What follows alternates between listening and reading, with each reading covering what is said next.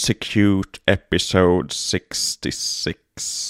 Är det det? Ja. Mm. På de Star Wars. Är vi där igen? Har du sett Mandalorian säsong 3? Nej, jag har ju inte det och det var det jag ville prata med dig om, Viktor. Mhm. Måste, måste vi? Om vi måste se den? Måste vi ha ett Mandalorian? Jag känner mig så jävla otaggad på att se det. Jag har faktiskt sett ett och ett halvt avsnitt och då Okej. är det för att du och jag såg det första avsnittet på bio. Ja. Det andra avsnittet har jag tagit mig, jag har sett 10 minuters håk Ja, för att jag, det finns inget som lockar mig, nej. tyvärr. Det var någon som sa till mig att det är som så men de första två avsnitten är rätt sega, men sen så tar, tar det fart liksom. Det, det som har eh, gjort att det kittlar lite, Mhm. det är att Jack Black är med. Ja, tydligen. Jag har sett bilderna. Mm, det ser läskigt ut och det känn, då känner jag lite att mm, jag tycker att Mandalorian redan är på väg att spåra. Ja, Kör Jack Black spåra gärna. okej, okej. Ja, men jag vet, alltså, I don't care. vill, vill du köra den på Patreon? Jag kan göra om du vill göra. Säsong tre? Ja, Vi får se. vi, vi, ja men det, det är typ färdigt om två veckor. Nej. Det är dags för oss att börja- Nej. plöja igenom den här serien. tyvärr. Det går inte. Va? Jag har annat jag vill göra på Patreon långt före Mandalorian. Mhm. Typ Tinker Tailor Soldier Spy. Tänker till Soldier Spy. Typ Mask of the Phantasm. Men vi ska ju tajma Mask of the Ja, Phantasm precis. Den med kommer annat. lite längre fram. Eh, och ett Succession-avsnitt måste vi ha efter dagens avsnitt, känner jag. Det... Du har inte sett det än. Nej, jag ska göra det ikväll. Mm. Mhm. Det är Connors bröllop. Vem är det? Det Är... är, det hans Succession? ja, precis. Det är hans Succession, ja. Ja, det är hans Ja. Succession som... Exakt. Det är han som kraschar eh, den röda Ferrarin, Porschen. Mm. Mm. Exakt. Precis. Mm.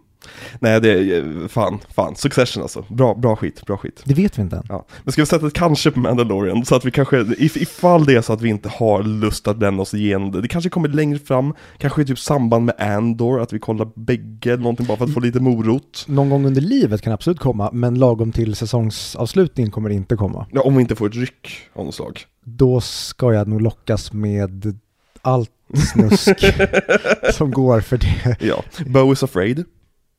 Åh. Den, den kommer vi ju köra ett Patreon-avsnitt på när vi, när vi sätter bio. Jag När- tycker när nästan vi kör en liten Ari Aster, vi i och för sig vi har redan kört Ari Aster special på midsommar. Ja, men men precis, eh, vi exakt. kan ju fortfarande prata och kasta lite mer kärlek på våran baby.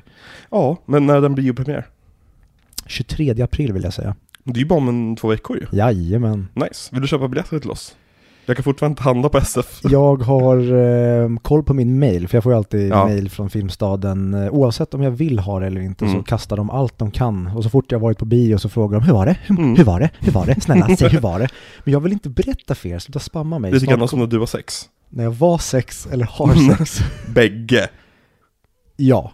När du träffade, nej, nej, eh, Eh, vadå? ingenting. Eh, köp biljetter till, till Bo is Afraid. Och jag kommer antagligen slänga ut en liten reaktion på Guard, Guardians of the Galaxy 3, när jag har gått och sett den. Oh. För den ska jag gå och se på premiärdagen. Om jag kan köpa biljetter. Kul med en avskedsturné för James Gunn. ja men verkligen, innan han hoppar in i superhjälteträsket menar du? Exakt. Ja, exakt. Så att det är han som ska regissera Superman? Och det gör mig både rädd och väldigt förhoppningsfull. Ja, jag känner att det kan i alla fall bli någonting unikt. Alltså, mm, och jag tror att James Gunn har nog en väldigt, vad ska man säga, sincere sida i, i sig. Som jag tror han kan visa upp med Superman, för den får inte vara liksom Guardians tokig på något sätt tycker jag.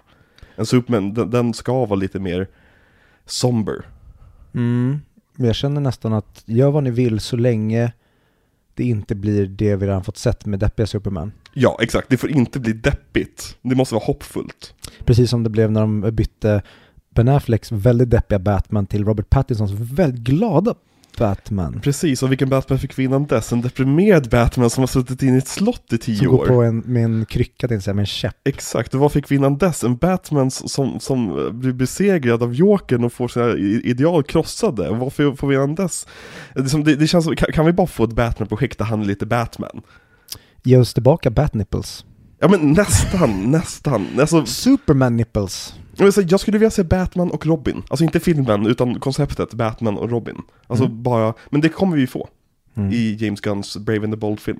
Mm. Som, eller det är inte han som regisserar den antagligen, men det är en av de DC-filmerna som kommer komma. Han håller i tråden, så att säga. Ja men jag hoppas, alltså, jag, alltså visst, Batman ska vara lite mörk och vuxen och lite, lite, lite tor torterad inombords. Men jag tycker också om bilden av Batman som den här nästan familjefaren över den här gruppen av misfits. För det har vi aldrig fått se på skärmen. Ja, jag, Mm. jag, i teorin håller jag med dig. I praktiken har jag svårt att se att jag vill ha det. Mm. Men det kanske mer handlar om att man vill glömma Batman lite Mm. innan du får en deprimerad Batman igen. Precis. För nu kom det väldigt tight in på båda gångerna tycker jag. Inte för att vi tycker illa om Robert Pattinsons Batman-film. Jag älskar den. Ja, exakt. Jag har den på Blu-ray. Det är som en, det... Ja. Nice. Att jag har på Blu-ray? Ja. Ja. okej. Vad trodde du att det var nice till? jag, jag vet inte. att, att den var bra. Vad Alex nice tog av sig byxorna. Precis.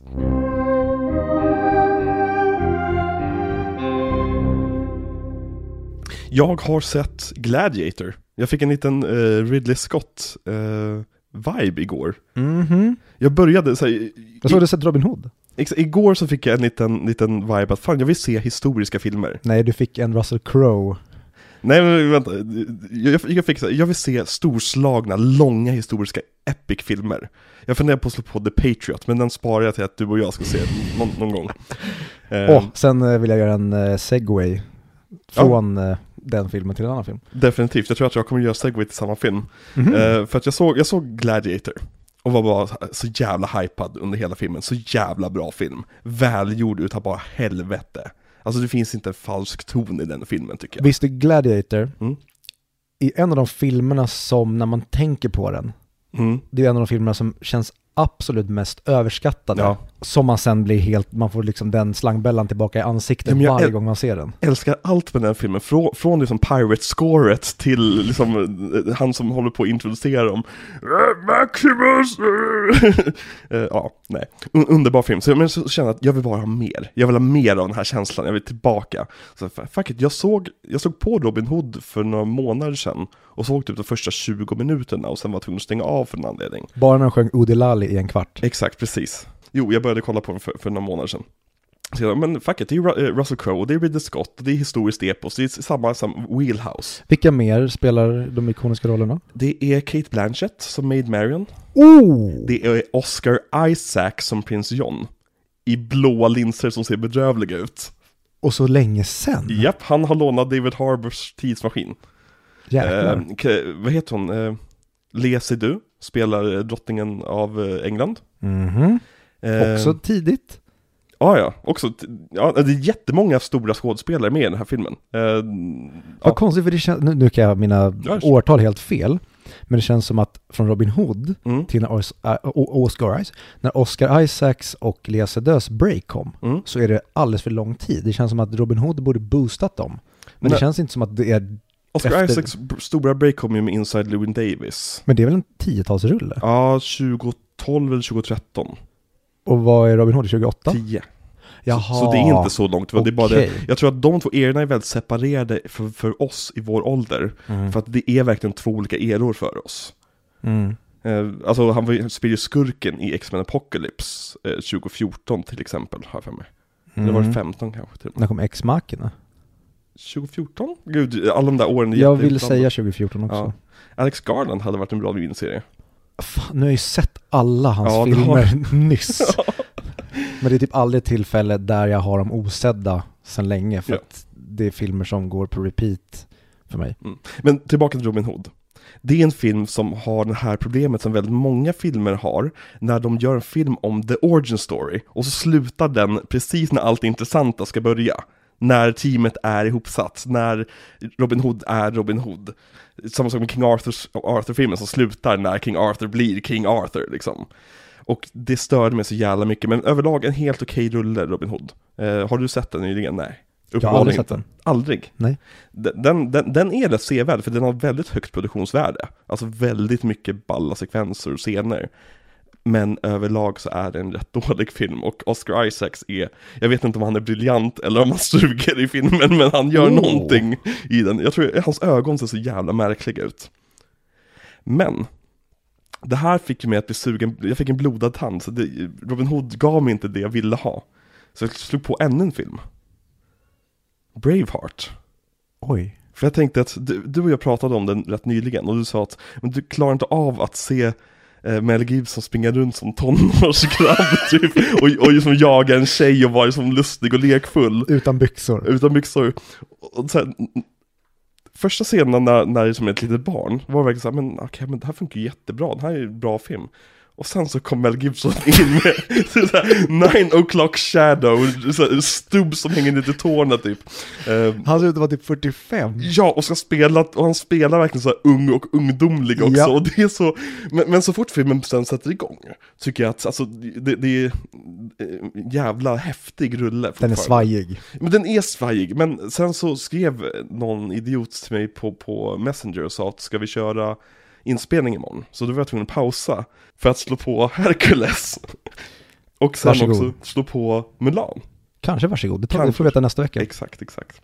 Eh, så det var jag såg igår, jag såg en jävla massa film. Mm. Mm. Nice. Mm. Så det, det är alltid roligt när man har sådana som Lazy Sundays. Mm.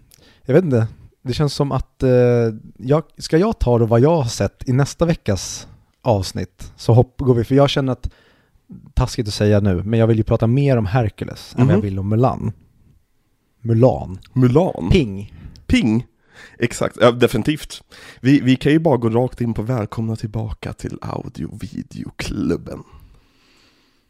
Just det, det var nästa, åh nu var jag på väg att sjunga nästa veckas låt. För den har jag någonting att säga om. Men frågan är vilken man ska välja den här. Kom och se Audiovideoklubben på G, podcastnumret på både Spotify och MTV. Eh, Eller Audiovideoklubb är en väldigt bra podcast. Du kan lyssna på den.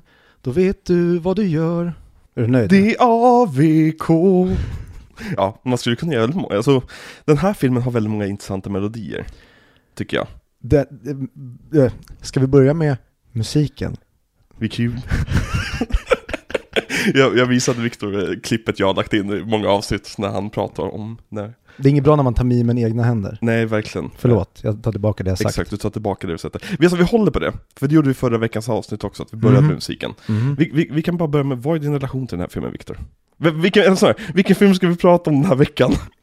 Eh, jag tänkte att vi ska prata om The Hunchback of Notre Dame, Notre Dame. Jaha? Jag hatar när amerikaner säger Notre Dame, så att jag själv jag börjar säga det ironiskt. Mm. Så nu säger jag det seriöst. Notre Dame heter den, Notre Dame. Inget annat. Men vi ska inte prata om det, vi ska Vad, prata vad, vad är eh, kyrkans fulla namn? Ringaren Not- Notre Dame? Notre Dame de Paris! Mhm. Mm. Ringaren Notre Dame de Paris, Mm. sås. S- Kaff- Sirap? Café de Paris-sås. Har man sirap i Café de Paris-sås? För det hade varit jävligt meta. Vi säger, i våran, som vi en dag, vi kommer göra ett Café de Paris. Vi kommer försöka konkurrera ut Lomanders Bea, och, så att Café de Det är Paris inte blir, svårt. okej. Jag, jag är typ Eh. den enda personen i det här, i det här avlånga landet som inte avgudar burk B känns Nej, som. jag säger ingenting om kvaliteten på såsen. Att utkonkurrera den, Mm. Det är det svåra. För att den, vår Café de Paris-sås. den är nästan Felix eller Heinz ketchup idag. Den är Mm, så jävla jo. household. Den är, den är ikonisk. Tyvärr, eller tyvärr, jag gillar den.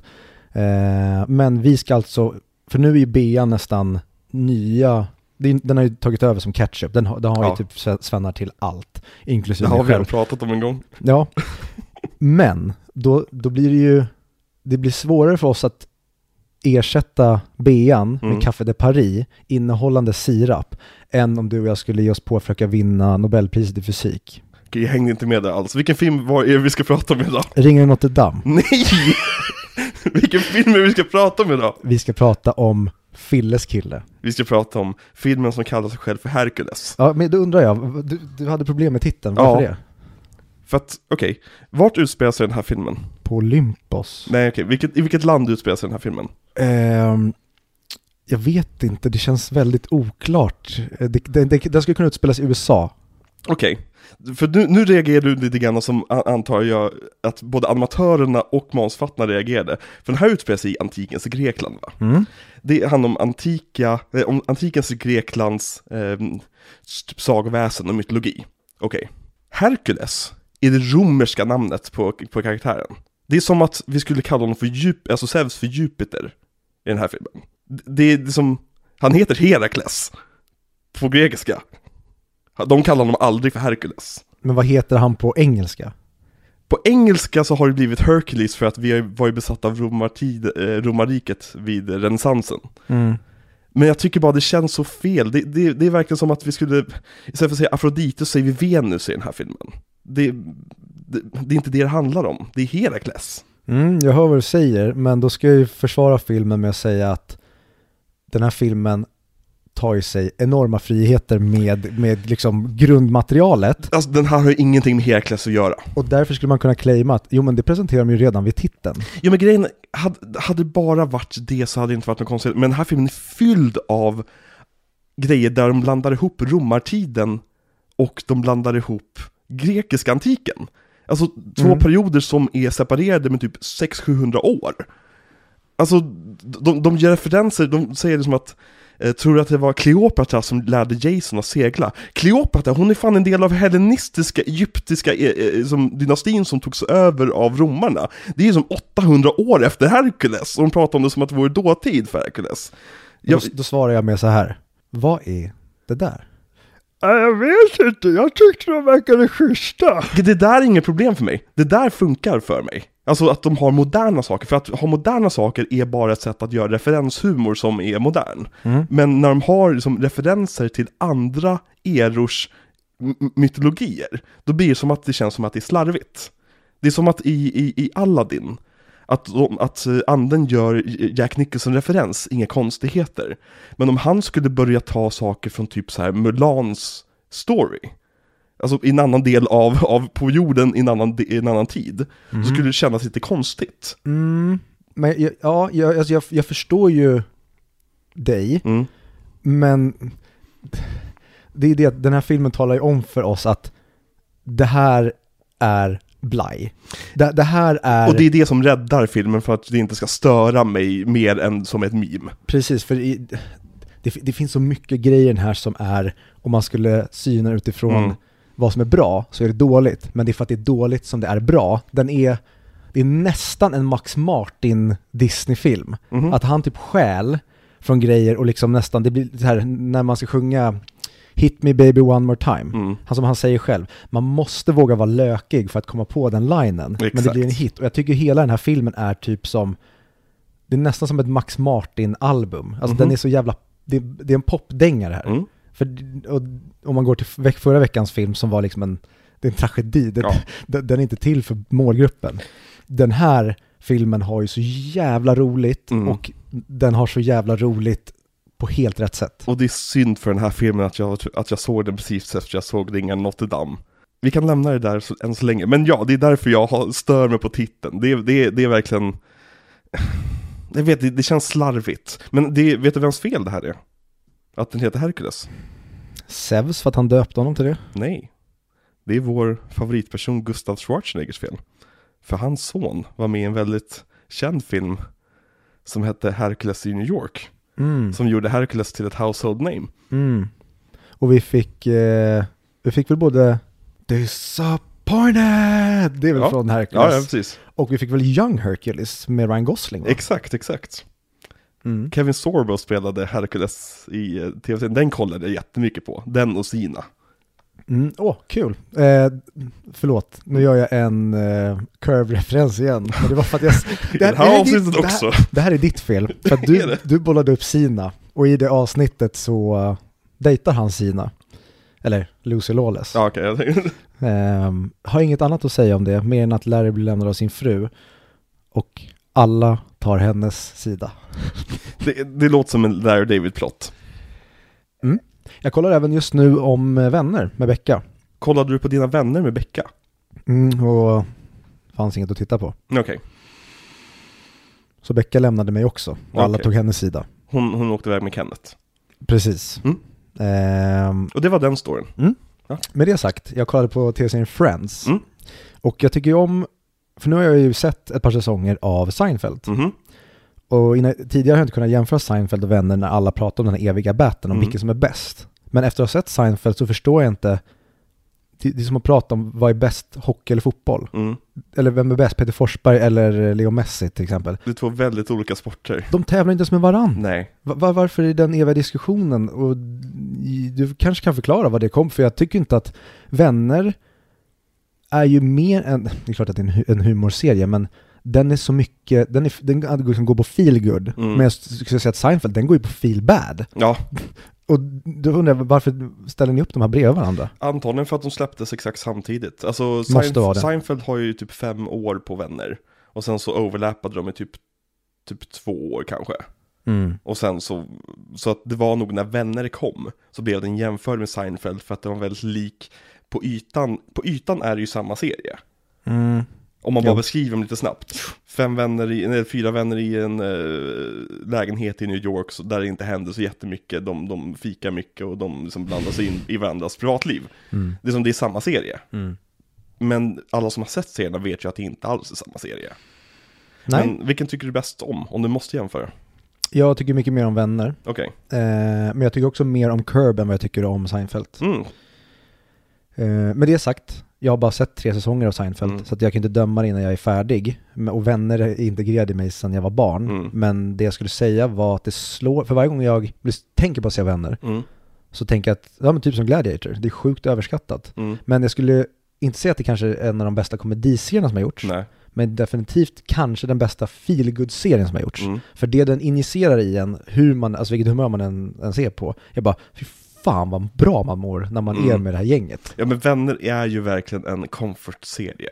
Men för mig är Seinfeld, alltså jag växte aldrig upp med Seinfeld, utan det var, det var någonting man bytte från när det gick på tv. Samma för mig. Eh, men för några år sedan så bestämde jag mig för att liksom, ja, men jag ska se alla Seinfeld-avsnitt. Bara för att ha det gjort. Och jag fastnade så jävla hårt. Och speciellt när man låser upp den här nyckeln när man tänker att alla karaktärer är Larry David.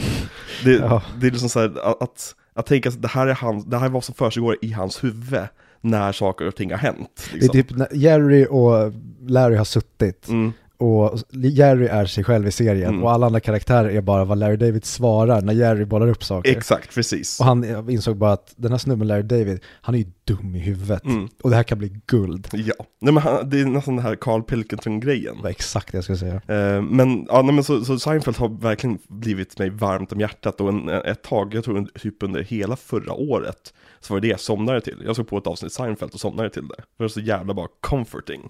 För att Mm. man visste hela tiden, man, vis, man, man, man, struktur, man lär sig strukturen på en gång i ett Seinfeld-avsnitt. Liksom att, ja, vad saker, saker som händer, karaktärer som dyker upp och sen så öppnas en dörr så kommer Kramer in och liksom, och, ja. Ja. nej, jag bara, jag älskar Seinfeld. Väldigt, väldigt klyschigt att säga. Det är liksom komediseriernas Breaking Bad, så att, när, när det kommer till att säga vil- vilken ens favorit är. Men eh, det, det är jävligt bra. Så om ni inte har sett den så kan vi starkt rekommendera. Mm. Om ni inte har hört någon annanstans att det är bra. Ja, till exempel i våra tidigare avsnitt, där vi har pratat om Curb Your Enthusiasm och Seinfeld. Ja, Ja, men Viktor, nu kommer vi av oss igen. Det tycker jag är bra. Vad är din relation till Herkulesk? Det är precis som förra veckan, det är typ samma Mm. skulle jag säga som förra veckan. Alltså det här är en film som har gått på repeat, men framförallt har jag spelat tv-spelet. Det spelade vi ju väldigt mycket, det är just Herkulesk. Ja, Och, och ban, träningsbanan, för vi var väldigt dåliga på spelet. Så vi har spelat samma bana om och om igen. verkligen. Jag, jag, Klarade vi någonsin Kentauren? Jag tror inte det. jag, typ, jag tror vi kan ha gjort det typ en gång. Ja. Och på den tiden så, det var säkert så att du inte hade någon minneskort, så var vi tvungna att spela om den varje gång. Det var ju en... Det var ju nästan som att bli ingenjör, att ratta ett Playstation och liksom se till att ha spelen Ja. sparade. Mm. Ja men alltså, fatta att man behövde ha minneskort en gång i tiden. Ni har så jävla bra ni som spelar i dagsläget, som inbyggda hårddiskar och grejer. Alltså, hade man ingen minneskort, då kunde man inte spara spelet. Ja, det är ta mig fan otroligt. Och det man var tvungen att göra då, det var ju inte det att, alltså vissa spel hade ju koder man kunde skriva in för att hamna på banan man nyss var på. Man fick en kod när banan började, eller när den slutade. Mhm, Det har jag aldrig hört. Okej, ja nej, det var jättevanligt. Eh, men annars kan man helt enkelt bara spela från början. Mm. Eh, vilket sög. Speciellt om man spelar ett långt spel som typ Harry Potter. Det spelade utan minneskort. Men ett stort problem var ju ofta också repor i skivan och liksom Ja. att maskinerna man använde, även datorer, Mhm. fick problem med att läsa skivan. Det var nästan som att den nöttes av att du bara använde den. Mm. För jag vill minnas att vi var inte slarviga alls. Sen kanske vi, liksom, man tänker utifrån Ja. hur noggrann man är när man är åtta år. Men jag tyckte ändå vi vårdade saker. Ja, Eh, så, båda vi kommer ju från familjer där det är sånt här plocka upp efter dig. verkligen. Så ja, Vi är båda uppväxta i nazistiskt hem. ja verkligen. Fascistiskt, nazistiskt, pedofilistiskt. För vi vet vad som hände i Fredriks källare. Men jo, vi har en lyssnarfråga. Vill jag bara bryta in mig när jag glömmer. Hur många gånger ska jag fråga dig, vad har vi för relation till Vi Hercules? håller, visst- vi Okej, håller ju på! Vi har en lyssnarfråga. Från, eh, på tal om eh, Fredrik och källaren. Okej. Från Ludvig Landegren, min lillebror. Jaha. Obehagligt. Ja, och han, hans fråga var Hur ställer ni er till de här väldigt stereotypiska, väldigt eh, patriarkala karaktärerna och hur den här filmen presenterar kvinnor och män? Så. I Hercules? Mm. Han, han ville bara vara modern. Ja, okej. Ja. Klarar den här filmen Bechdel-testet lägger jag till. Nej. Eller det beror på vad Hades identifierar sig som. Men för det mesta pratar de pratar om, om Hercules, så jag vet inte. Fast eh, vad heter de? Ö- ödeskärringarna. Ja, ja, fast de pratar om Hercules och de Med pratar om... varann! Exakt, med... Jo, fast... Fast de pratar också om annat. Fast gör de det? Gör de det? Gör de det? Vi, vi vet vad vi säger. Jo, fast jo, jo, de, de, de dödar en tjej som kommer flygandes, vars själ kommer flygandes. Så de pratar om någonting annat än män. De pratar om, om henne i typ två sekunder. Mm. Så det klarar Bechdel-testet med nöd och näppe. Ska vi börja, ska vi börja ha det som in, inslag i podden? Ja, klarar ja. vi Bechdel-testet? Ja. Ja. Ja. Ja. Mm. Det måste vi ha. ja. Men Viktor, Vad är är din jävla relation till Hercules? Vi spelade det här spelet, Ja. det var ju det vi sa. Mm. Eh, och framförallt sångerna har jag lyssnat väldigt mycket på. Tycker soundtracket är som jag sa, det är, en, det är ett popalbum. Mhm. Det är så jäkla bra musik i den här filmen. Och det har jag lyssnat mycket på. Mm. Vad mer kan jag säga? Alltså jag, jag har så otroligt, så, det är så många citat från den här filmen som jag använder i mitt liv. Om? Om är bra. Eller eh, som jag brukar säga till Becka ibland. Jag äger dig! Ja. Om jag säger sjung, så frågar du vilken låt? Och bevisar du, vad fan jag säger? Och bevisar du att du är en sann hjälte, då får du din gudagåva tillbaka. Vet du för övrigt vem som pratar Zeus? Nej. Max von Sydow. Jo men, jo men det vet jag ju, det har jag, det har jag läst. Det var mindblowing för Mm. mig. Det hade jag ingen aning om. Mm. Jag såg honom nyss. I Robin Hood. Jag hade tänkt säga det. Var såg du Max von Sydow? Ja. Och Och varför, i Game of Thrones. varför hockeytacklade du honom? Det var du som sa det. Hockeytacklade honom. Mm. Och i Game of Thrones sa jag. Nej, jag skojar bara. Sko- nej. För jag funderade på saker man skulle göra, om man såg Max von Sydow som ändå Ska är... man inte hockeytackla honom? Det var ju bara det Inte första, han det var ju död? först... Jo, stod här för något. Jo, vi stod Vi kan kolla upp det lite snabbt här. Ja, ja, jag har ju inget ont att säga om Max von Sydow. Jag älskar Max von Sydow. Max! Hans bästa roll är ju när han säger She's royalty i eh, Star Wars The Force Awakens. Fan vad det för något? Alltså, igen, alltså som scen betraktat i sig är det ju en bra, ett bra sätt att bara få så, så här, åh vad nyfiken jag är på den här nya världen, det första som händer i en ny film. Men det blev ju ingenting av det känns som. Jag tycker den, hela, det, hela det introt är ganska dåligt för det känns inte som att vi är i Star Wars. Det känns som att karaktärerna vet om att de är i Star Wars. För han, när han säger typ den linen, She's royalty. Det låter som att han blinkar till publiken. Mm. Och jag tycker inte att man får göra det i den, det universumet. Vi kommer prata om Star Wars en annan gång. När Kanske. vi, när vi pratar om Star Wars. Mm. Max von Sydow dog 2020. Av covid. Nej, det vet jag inte. Eller gjorde han som min farmor och gjorde det geniala draget att checka ut två veckor innan covid kom. Det är ju bra. Mm. Det får mig nästan undra om hon, planerade det för att hon hade väldigt dålig andning så att man vet att hon hade blivit Han, slukad han direkt. dog 8 mars, så ja, det var precis det han gjorde. Eller kollade han på min farmor och vad hon hade gjort. Mm. De dog tillsammans. Mm. Du är egentligen Max von Sydows barnbarn. Coolt. Mm. Det, det är mig de har baserat Ray på. Ja, fast jag ser ju honom lite grann som så här nazistdoktor. Efter att ha sett eh, Shutter Island, så jag ser ju, det är ju bara Som älskar, att... vad heter han, Mahler. Måler?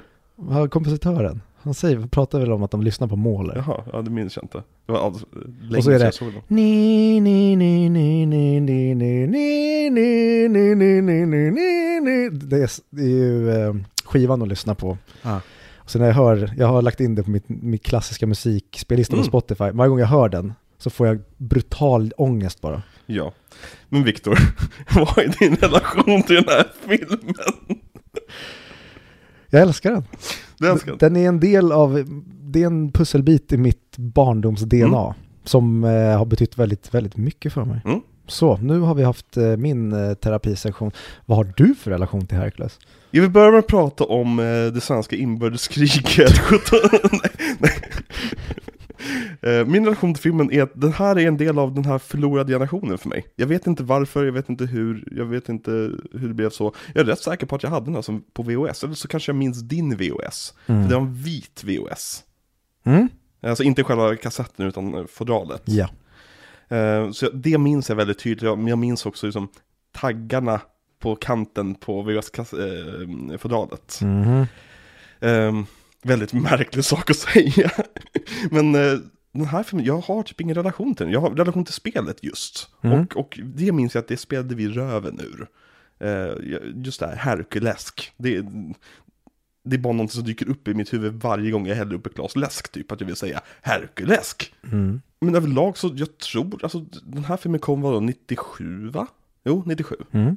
Så jag, och du säger att den kom typ till Sverige 98 säger vi, VOS 99. Alltså jag var ju perfekt ålder för att faktiskt tycka om en sån här film. Mm. Men jag vet inte vad det var som gjorde så att den inte hamnade på min radar så mycket trots att jag spelade spelet. Så det här är en film jag, som jag har sett lite grann mer i vuxen ålder känns som. Eh, så jag har inte så jättemycket relation till den. Vet du varför? Nej, varför då? För att du står på de svaga sida och den här filmen gör ett, begår ett väldigt, väldigt grovt brott. Jaha. Nämligen så att Hercules är blond tills det att han blir mänsklig. Så det är alltså en degradering att gå från blond till vara ginger. Mm. Det är därför min systers och min relation är så dålig. För att Mm. jag är det blonda barnet och hon är det rödhåriga barnet. Så att hon vet ju, hon har ju kollat på Hercules och förstår att hon är inte lika mycket värd. Nej, exakt. Fick vi det sagt. Jag tycker det är lite, lite nästan mobbaraktigt att du ger dig på din systers hårfärg typ varannat avsnitt här i podden. Jag gör det varje dag. Så fort det dyker upp en rödhårig människa i min familjs liv, Jaha, då fotar alla den och skriker Vad gör du här Kajsa? på riktigt? Ja. Åh gud, fan. Har, har ni frågat Kajsa om hon tycker om det här? Kajsa, jag vet att du lyssnar ibland, Tycker, är det här okej? Du kan berätta hemligheten för mig. Hon har ingen egen vilja. För att hon är rödhårig har ingen själ. Nej, okej. Så- Men då ska du inte Hades kunna göra någonting mot henne. Nej, Så du är immun mot Hades, Kajsa? grattis. Grattis! Grattis Kajsa.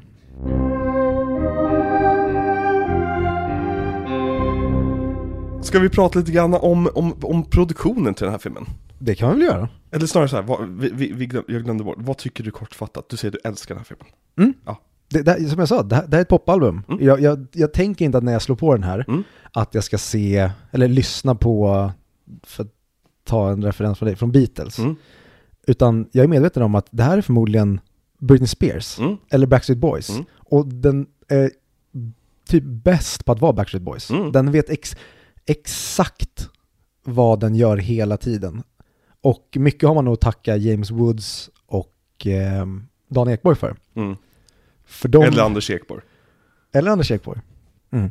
För att man hade inte kunnat, utan Anders Ekborg i Tomten vart alla barnen, hade man inte haft samma relation till Dan Ekborg, för Anders Ekborg bollar ju upp för honom. Exakt. Så man skulle kunna säga att han är ansvarig och de är syskon och därefter älskar vi Dan Ekborg, vi älskar Dan Ekborg och allt annat också. Även fast Tomten till alla barnen kom två år efter den här Ja filmen. men inte för oss kanske. Det kom samtidigt. Jag tror inte jag visste att det var Anders, jag tror jag hade en relation till Dan Ekborg i Tomten vart alla barnen Mm.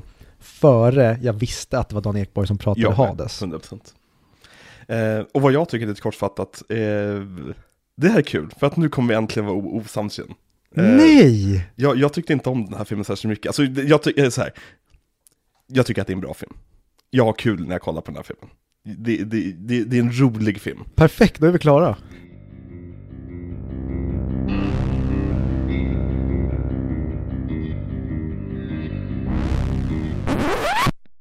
Men den här filmen känns Disney Channel original fast med en hög budget.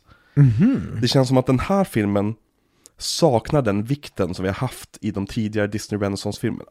Jag förstår Och- vad du menar med att Ringen Notre Dame sabbade för dig. För att Ringen Notre Dame är ju en episk film, även fast den har larviga moment i sig också. Och Mm. de här jävla statyerna. Som, Ehm, Men vadå, du älskar Jason Alexander? det, det gör jag. Eh, så, så, så känns, den har en vikt och en tyngd. Det är, en- det är som en, en, en film som är imposing. Så som Lejonkungen, det, det är ett jävla epos liksom. Mm. Och den här filmen som egentligen skulle kunna vara ett hjälteepos känner jag inte blajas bort, för att den blajiga tonen det jag tycker om i filmen. Men det jag känner att den har ingenting riktigt att säga. utöver just den här kändisskapsbiten, så är det som att den, den har ingen vikt och tyngd som, som de andra filmerna hade. Till och med typ såhär, Rescuers Down Under hade en större tyngd tyckte jag. Och även, det spoilers för nästa veckas avsnitt, när även Mulan kommer vi tillbaka till den tyngden. Och även Tarzan vill jag minnas har den tyngden. Den här känns lite grann som att det är ett, ett side mission på ett sätt. Jag, jag förstår precis vad du menar Mm. tonmässigt. Så det, och det är det som inte riktigt limmar med. Men överlag så, jag kan inte ge den filmen särskilt stor kritik för att jag tycker om det den gör. Det är bara det att det, det känns ingenting för mig. Fan vad intressant, för jag tycker att den här filmen är lite som Avengers-filmerna eller Thor-filmerna. Mhm. Eh, och sen så får vi Ragnarök, Mm. som är liksom Mm. blaj. Och Mm. det är precis det jag tycker, alltså, nu är det svårt för att de andra filmerna har en mycket mer allvarlig ton. Mm. Men jag älskar dem för att de gör den här icke-Disneyga tonen. Alltså, Mm. det så här, vi, vi går bara in och smäller av förra veckans tragedi med en komedi. Mm. En straight up liksom bara en blajrulle. Och sen Men- går vi tillbaka till nästa vecka och så såg man hur det gick. Men här, om, om man ser på, de flesta av de här Disney-filmerna från Renaissance fick en tv-serie kopplad, påkopplad på sig. Så här som fortsätter äventyret. Och alla de kändes alltid disjointed från filmen man nyss hade fått. Här känns det som att tv-serien är en del av filmen. Mm, det håller jag med om. Att det, som, så här, och det gör bara så att det, den inte kan upp till de här bitarna som den skulle kunna nå upp till om den bara hade lagt, lagt lite mer allvar i sig själv. Och lite mer tyngd i sig själv. Tagit sig på lite mer seriöst. Men som, som barnfilm betraktad, alltså, jag, jag skulle lätt vilja se den här med min brorson, bara för att sitta och skratta liksom. Eh, Så det, den, den är helt klart godkänd plus liksom för mig. Mm. Men det är ingenting som, jag tror det kan också vara så här bristen på nostalgi för den här filmen som gör så att jag känner att det, det känns inte. Det, det, det finns ingenting här för mig liksom. Mm. Och sen så historienörden, eller mytologinörden i mig sitter och bara skriker åt vissa saker. Som att de har Venus från Milo i trädgården. Och med Venus, för svenskt, Venus är det romerska namnet på, på, på Afrodite. Så skulle Herkules som skulle hetat Herakles, det, mycket sånt gör så att det sitter stör mig lite grann på. Det är sånt jag Mm. börjar tänka på efter. Ja, det, ja precis. Den, den blir ju svår om du har det filtret. Eh, för att Zeus har ju bara ett barn här också. Ja, jag tänkte vi kan ju, när vi pratar om karaktärerna kan jag gå igenom Herkules, eller Herakles berättelse, för det är en väldigt intressant och, och, eh, rolig berättelse. Men det är det jag också, samma sak som vi pratade om förra veckan, Mm. att du, om man tar Skönheten och odjur, där kanske vi har en mer väldigt lik adaption av kanske originalverket, eller det, Mm. det blir mer och mer likt beroende på vilken adaption det är av de här Disney-filmerna. Mm. Men jag gillar det med Ringen Notre Dame, vilka friheter man tar och så bygger man en så bra film som möjligt. Och det är det jag tycker med den här också, att i den förra filmen då skulle det vara, hur bygger vi den mest episka berättelsen som går? Mm. Så att den känns så mycket som, här är så här, hur gör vi det här så kul som vi bara kan? Ett stort problem jag har med den här filmen, det är det att den försöker inte ens handla om det Herkules-berättelsen handlar om. Alltså originalberättelsen. Ja men precis, exakt. Varför? Ringen från Sudan, visst de har ändrat lite grann, men den handlar fortfarande om den, det är fortfarande den storyn med modifikationer. Mm. Mulan, det är fortfarande Mulan-storyn med vissa modifikationer. Aladdin, där har de slängt upp jävla massa saker, där, där gör de lite grann samma sak, men eh, ja, men Pocahontas, det är den storyn fast modifikationer. Här så är det så, Hercules, vad är han känd för in, inom mytologin? Sina tolv stordåd. Det är som Herkules tolv stordåd, det säger man i en och samma mening liksom. I den här så svingar de förbi det i ett montage. Jag gillar det montaget, för det är väldigt roligt montage. Men varför inte göra det till en större del av filmen? Du har en gratis, stru- gratis struktur där, på något sätt. Som du väljer aktivt att inte använda dig av.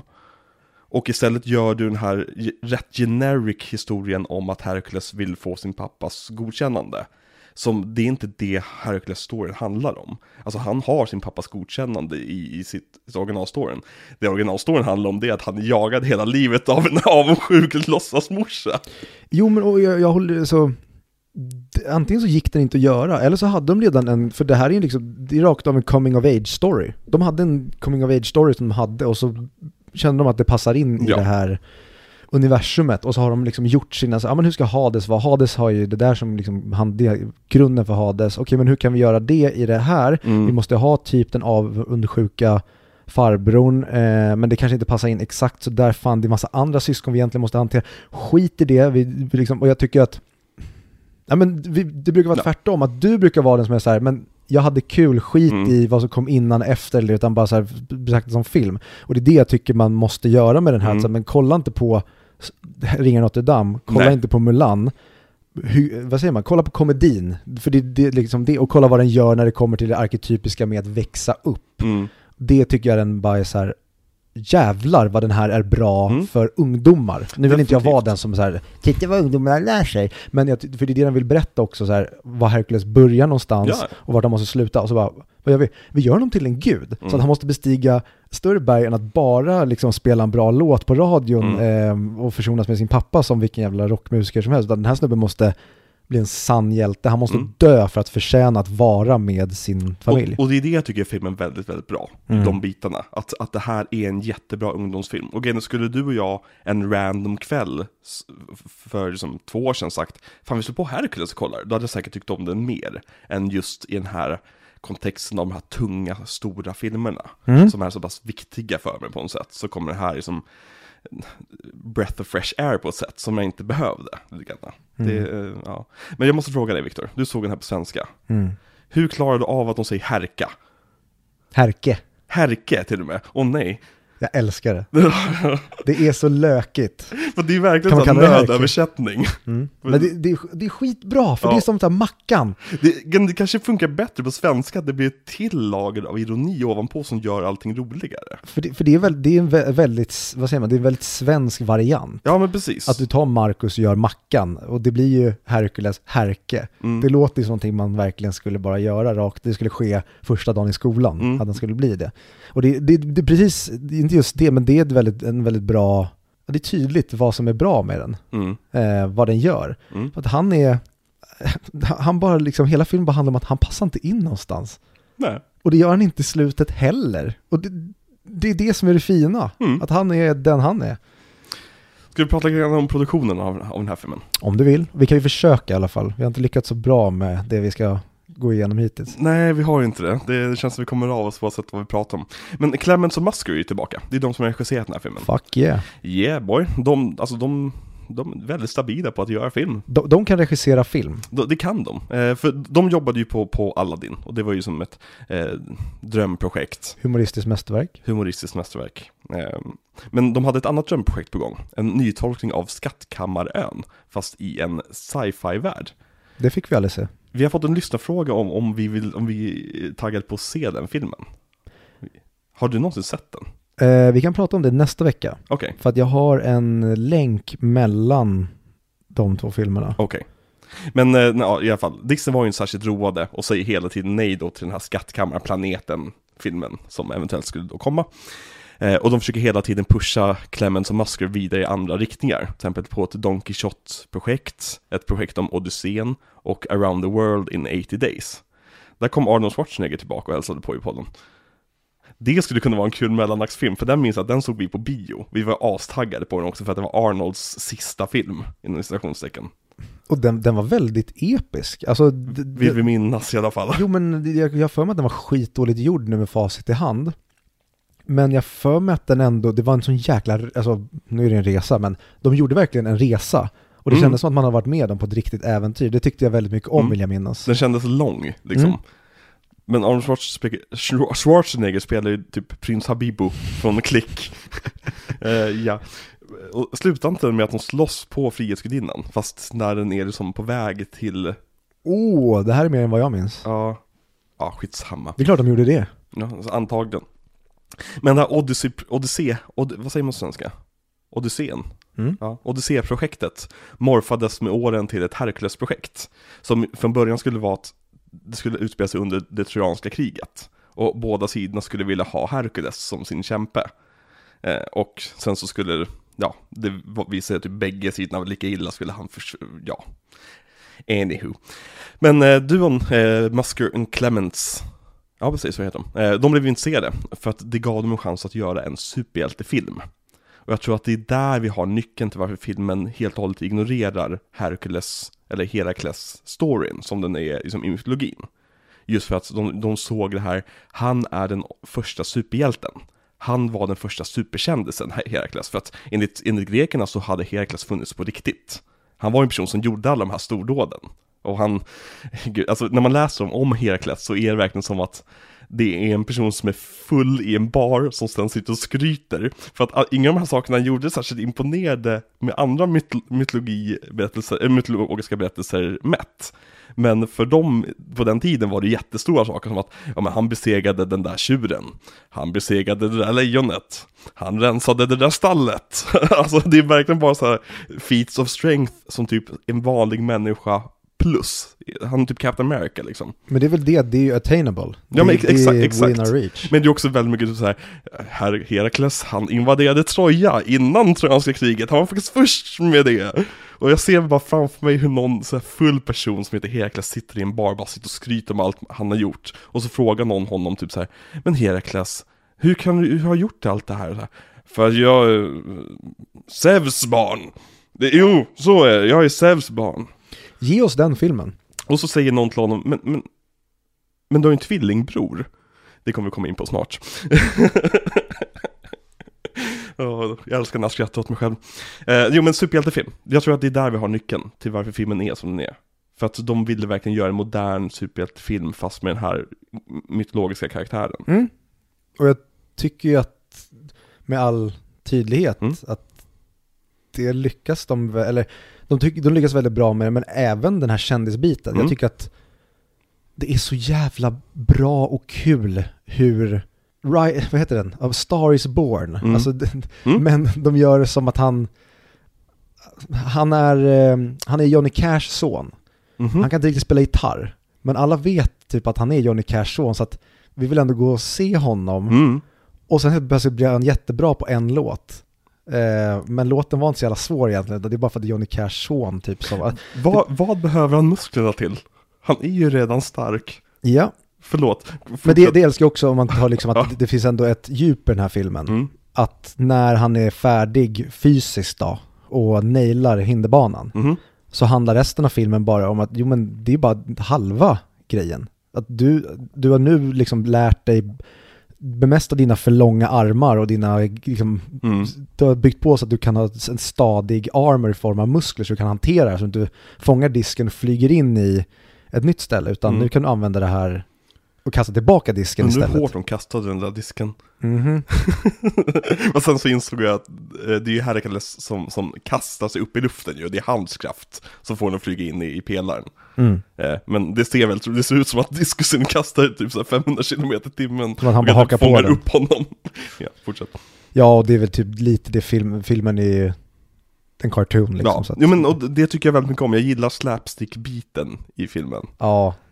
Och Hercules är jävligt duktig, nu är han animerad eller Mm. tecknad, men jävlar vad duktig han är på den fysiska humorn. Mm, De sk- skriver, ritar honom väldigt roligt. mm, Eh, och även eh, Tate Donovan är väl... mm. Det är Marissas pappa. Mm.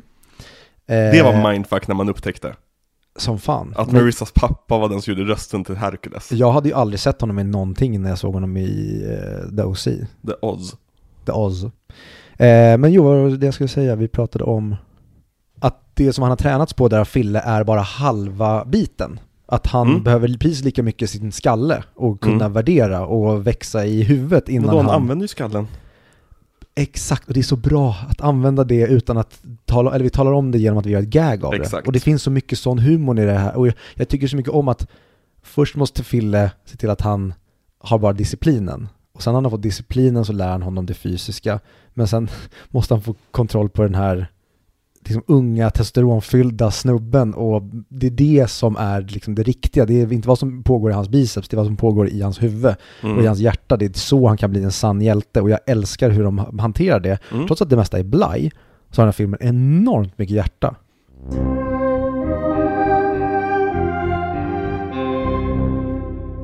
Viktor, Jaha, vad handlar den här filmen om? jag vill inte längre. Det känns som att jag har sagt fel flera gånger. Som att jag inte har gjort filmen rättvisa. Nej men det handlar om en förtryckande man i Paris eh, som jagar sen... Hörru, hörru, jag, jag vet hur mycket jag behövde klippa in i förra veckans avsnitt eller? Jag tror vi, censurspåret jag la på har typ såhär 15-16 olika tillfällen. Nu, nu håller du dig till, till barnvänligt, så barnvänligt du bara, gör så barnvänligt du bara kan Viktor. Ja, det var en gång en farbror och en eh, tant som kramade varandra. Och då kom storken med en liten, liten pojke. Och den här farbrorn då som kramades, han hade en bror som var väldigt avundsjuk på honom. Mhm. Så att han tog deras barn. Eh, nu håller jag, vad ska du komma med det här? Tog, tog de honom på snoppen eller vad, vad, vad, vad ska du komma till? Absolut, det är jag som klipper den här veckan. No censorship. Okej, de tog honom. Ja, den här farbrorn tog honom. Ja. Och gav honom till en familj som inte kunde få barn själva. Så att han gjorde en väldigt fin handling. Vadå för att de hade aids eller någonting eller Viktor? Vad, ska komma till där? Det- Jag älskar hur vi förstår varandra. Så det var ju bra att eh, paret då som fick ta över Mm. pojken, att de inte hade sex med honom, för då hade ju pojken fått aids. Okej, nu, here we go. Ja, det var ju ditt fel. Nej, nej, du skulle veta mest barnvänliga, jag, bara, jag, är Jag bara, jag, jag är misstänksam här, okej? Jag är misstänksam. Jag, jag, jag, jag, ser vad du håller på att göra med dina sjuka idéer. Okej, fortsätt berätta.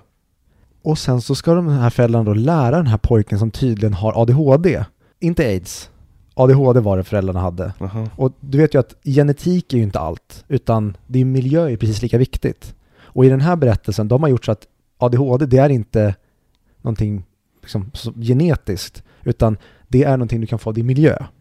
Och Okej. de här två föräldrarna då som inte har aids i min variant, de har då en sån påverkan på honom så att han får ADHD. Okej. Och då måste de skicka iväg honom Aha. på specialkollo Mm. till, till en kort och tjock gubbe som går runt i bara byxor Som utan... bor på en ö.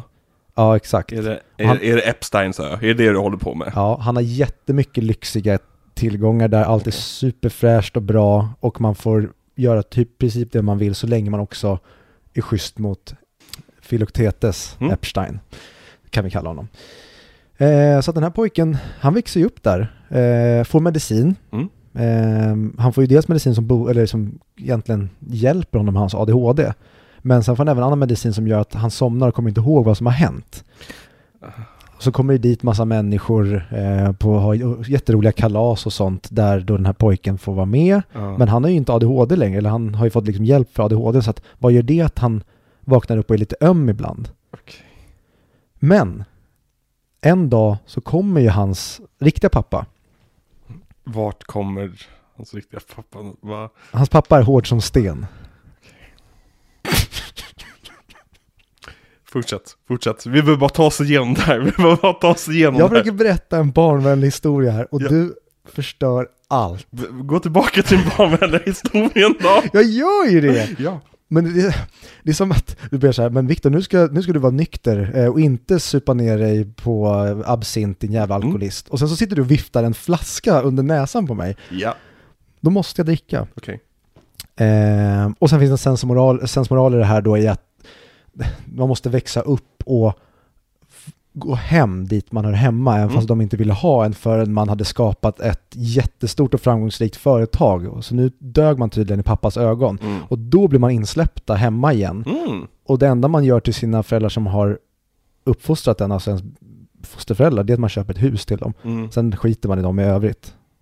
Är, är de med i typ andra halvan av filmen ens? Nej, vi får bara se dem ehm, vid två tillfällen efter han har dragit tror jag. Det är när, han får, när de köper huset och sen tackar han ju dem Mhm. när han är stor. Mm. Minns inte exakt vilken scen det är. Ehm, så det är det filmen handlar om. Mm. Mm. Och sen liksom, måste våga dö för att kunna bli en sann hjälte. Men Mm. jag vill inte prata om skalet. Okej, okej. Jag vill prata om det djupa, det äkta. Att det här är en metafor för egentligen Illuminati skulle man kunna säga. Illuminati. Mm. Helt korrekt. Mm. Så. På tal om det äkta och, och, och det riktiga. Mm. Ska vi prata lite grann om Herkules? Och ska vi prata lite grann om Herkules riktiga berättelse? Vill vi det? Ja, det vill vi Victor. Nej, Jo, det vill vi. det, det är fel film. Jo, för du ser. Zeus, han ville pöka med en tjej som heter Alkeme. Eller Alceme. Jag tror det ska vara K. Alltså ett hårt. Alopecia heter hon. Exakt. Alkeme kan vi kalla henne. Och han fick då ett lov att göra det här under en natt av Hera, hans fru. Men, här, eh, Zeus, han mutade Helios, alltså solguden, till att inte låta solen gå upp på tre dagar så att den här natten då sträcktes över tre dygn. Bro! Det är Zeus för oss. Ehm, och Zeus, han klädde ju då ut sig till, till Alkemes man, eh, am, am, Amfitryon, Amfitryon, Amfitryon, eh, som då var ute i krig. Så han klädde ut sig till, till, till farsgubben liksom, Mm. och satte på Al Al Alkeme. Och sen kom Amfitryon tillbaka samma kväll, och satte också på Alkeme. Och hon blev dubbelgravid, även kallad ha tvillingar. Ja, Ja. exakt. Hon, det, är, det är inte så att de har ett varsitt barn i henne va? Och här kommer vi tillbaka till Super-Hercules i baren som får frågan Men har inte du en tvillingbror? Så, jo men Först kom Zeus och, och sen, sen kom farsan hem och han, han hade också sex med morsan och det, min, min brorsa han är inte speciell men jag, jag är speciell Jag tror han skulle säga att han dödade honom i magen. Nej, men Hera, hon blir då lack på det här för att hon, hon gillar inte när, när Zeus ute och pökar runt liksom. Så hon lurar Zeus att svära att barnet från Perseus hus eh, kommer, som ska födas denna natt ska bli en stor kung, kung för att Alkeme är typ Perseus typ barnbarnen och sånt där. Absolut. Det var precis det jag tänkte också. Men allt detta är ju bara på grund av att Hera visste att även Eurystheus, E- E- E- Eurystheus skulle födas den här natten som var typ kusin till Herkules på något sätt. Det här är jätteinvecklat och jag förstår varför de inte gjorde det Jag här. förstår ju så- varför de kallar honom för Herke. Herke, ja precis, exakt. Men, så det, det, det Hera gör då efter att hon har fått det här löftet om att det första barnet som föds i natt, det ska bli en stor kung. Så skyndar hon sig till Alkeme och tvingar Elytia, barnaföda gudinnan, att sitta med benen i kors och sina kläder knutna, för det stoppar tydligen graviditeten. Så hon liksom tänker låta Herke och Herkes brorsa vara kvar inne i sin mamma för resten av sina liv. Det låter lite som samhället är stort idag. Eh, och, men till slut blev El- El- Elitia lurad av Alkeme att hon redan hade fött barnet. Så då hoppade hon upp i våning bara Åh, ja, vad kul att ett barn har fötts, varför funkar det inte med magi? Det bryr jag mig inte om. Och då gjorde det så att Herkules och hans tvillingbror bara ploppade ut. Så det var så Herkules föddes, annars hade de helt enkelt inte fötts. Då hade de varit kvar där inne än Lite idag. som Ellie i uh, Last of Us. På vilket sätt då? Att hon föds väldigt hastigt. Ja, ja precis. Igångsättningen eh, är inte likadan där som där, Mm. men ändå. Och de försöker, ge, eh, de försöker göra så bra som möjligt för Herkules och ge honom namnet Herakles för att göra Hera glad. Jag tror det var Heraklitos. Herakleitos, är det en plats? Eller är det en filosof? Herakleitos? Det vet jag inte. Det är... Ska vi googla? Nej. Nej, kör på med Ja, vi kör kvar. kvar. Men, men så, Al- Alceme, Al- Al- Alkeme, hon, hon, hon är så trött på den här skiten, men hon är också så tacksam till Zeus över att hon har fått ett, en son. Så hon lämnar då Herakles ut i, för att dö i vildmarken. Eh, men där hittas Herkules av gudinnan Athena. Och vad gör Athena? Hon tar honom raka vägen till Hera. Dun, dun, dun. Coolt. Och Hera känner ju då inte igen Herakles. Eh, och får typ sympati för den här lilla bebisen hittade ute i vildmarken. Så hon börjar ju amma Herak- Herakles. Usch. Eh, men Herakles biter ju så pass hårt att hon liksom försöker slita bort honom. Och det gör så att han både får dricka hennes mjölk och därmed få superkrafter. Men också att hen, så att hennes mjölk spills ut. Och den mjölken skapade Vintergatan. Det är därför det heter Milky Way. Hmm. Ja, bättre det än Breasty Way. B- Ja, Booby Way. Mm. Eh, och eh, som sagt, Tuttegatan. Mjölken hade också gett Herakles då speciella krafter. Han fick inte dem för grund av att han, han är född till en gud, utan han fick dem för att han, han sög på Heras tutte. För att han är en... Då är han ju uppenbart en gud. Ja, ja, Om, om, det, om det hade ko- kommit en snubbe och säger att, eh, och vi frågar vad, han, vad har du varit? Och då säger han, nej men jag har sugit på eh, Kate Blanchetts bröst och så Mm. bet jag av det. Då hade vi sagt, fan du är ju en gud. alltså så här, det här, jag ser återigen så här Fylle-Herkules-baren som har gett två olika stories typ till två olika personer om varför han är extra stark. Han började typ så här, ja men jag, mi- jag har druckit av Heras mjölk. Ge mig. Och sen typ två timmar senare så här, men jag är Zeus son. Så här, men vänta, du sa förut, så Ja, ja just, ah, att jag är Zeus son betyder ingenting. Nej just det, det är, det är mjölken som är viktig. Ja. Eh, Men Athena tog honom tillbaka till sina föräldrar som nu tänkte att fan, en stark person har vi nytta av. Så han kan ju få stanna nu, vi tänker lova att inte lämna ut honom vid marken igen. Eh, Och när han var åtta så ströp han ihjäl två ormar som hade kommit på dö- för att döda honom, på order av Hera. Två snubbar bara som han tycker har varit svikare. Precis, exakt. Man brukar kalla folk för din jävla orm om man har blivit sviken av den. Så att, Jag Ja, säger men- så, han ströp ihjäl två or- nej. När, när han var tonåring, och det här önskar jag den här storyn önskar jag var med i filmen, för det här är typ Hercules bästa story. För att när han var tonåring, så hade han en musiklärare som hette Linus, som var den största musikern i hela antikens Grekland. vad fick han så tråkigt namn för? Han har ett längre namn, men han heter Linus, hans första namn. Eh, han, var, han var jättestor med sin lyra som var guld, rent guld. Han var liksom världskänd skåd, skådespelare och teaterkompositör. Och, Wahlgren. vad sa du? Wahlgren. Ja men precis, exakt. Nej, men alltså han var verkligen så här en renässansmänniska innan ordet renässans ens fanns. Eh, Herkules dödade honom för att han sa, han sa åt Herkules när Herkules spelade fel. Han tog lyran och slog in hans skalle med lyran. Rimligt. Det här kommer vi återkomma till. Herkules har ilskeproblem. Han har enorma ilskeproblem. Han, visst, han måste vara den enda Disney-karaktären som aktivt dödar sin, ehm, sin skurk. Mm. Ja, jag, precis. jag kan inte komma på att det hände i en annan Disney-film. Eh, han ställdes då in, inför rätta. Eh, och han hävdade att det var bara självförsvar för att ingen man ska tala mig, till mig på det där sättet. Han var typ 12. Eh, men det tydligen så funkade så han, han fick gå helt fritt. Jag säger att han har ADHD. Ja. Eh, så han gifte sig med en prinsessa som heter Megana. Oh, it's just like the movie! Exakt! Och de fick barn. Eh, som han like rätt snabbt mördade. Han tallade väl på hans brud kanske? Ja, nej, han, han mördade barnen och, och Megara, bara i, i, i ett ursinne. Och sen skyller han på att det var Hera som la eh, besvärjelse på. Rimligt ändå. Ja, eh, så det Herkules gör då, det är ju då att han åker till oraklet i Delphi, som då också är styrd av He- Hera, men det vet inte Herkules. Och hon säger åt honom, för att du ska bli förlåten av gudarna, så måste du göra, måste du lyda en snubbe. Och det var den här snubben som föddes samma natt som Herakles, som skulle egentligen blivit kung, jada, jada, jada. Brian. Exakt, Brian kan vi kalla honom. Perfekt, Victor. Eh, och det är han som ger honom de här 12 stordåden. Eh, bara för att du får hans godkännande. Eh, och sen så dör Herkules eh, genom att han blir förgiftad. Aids.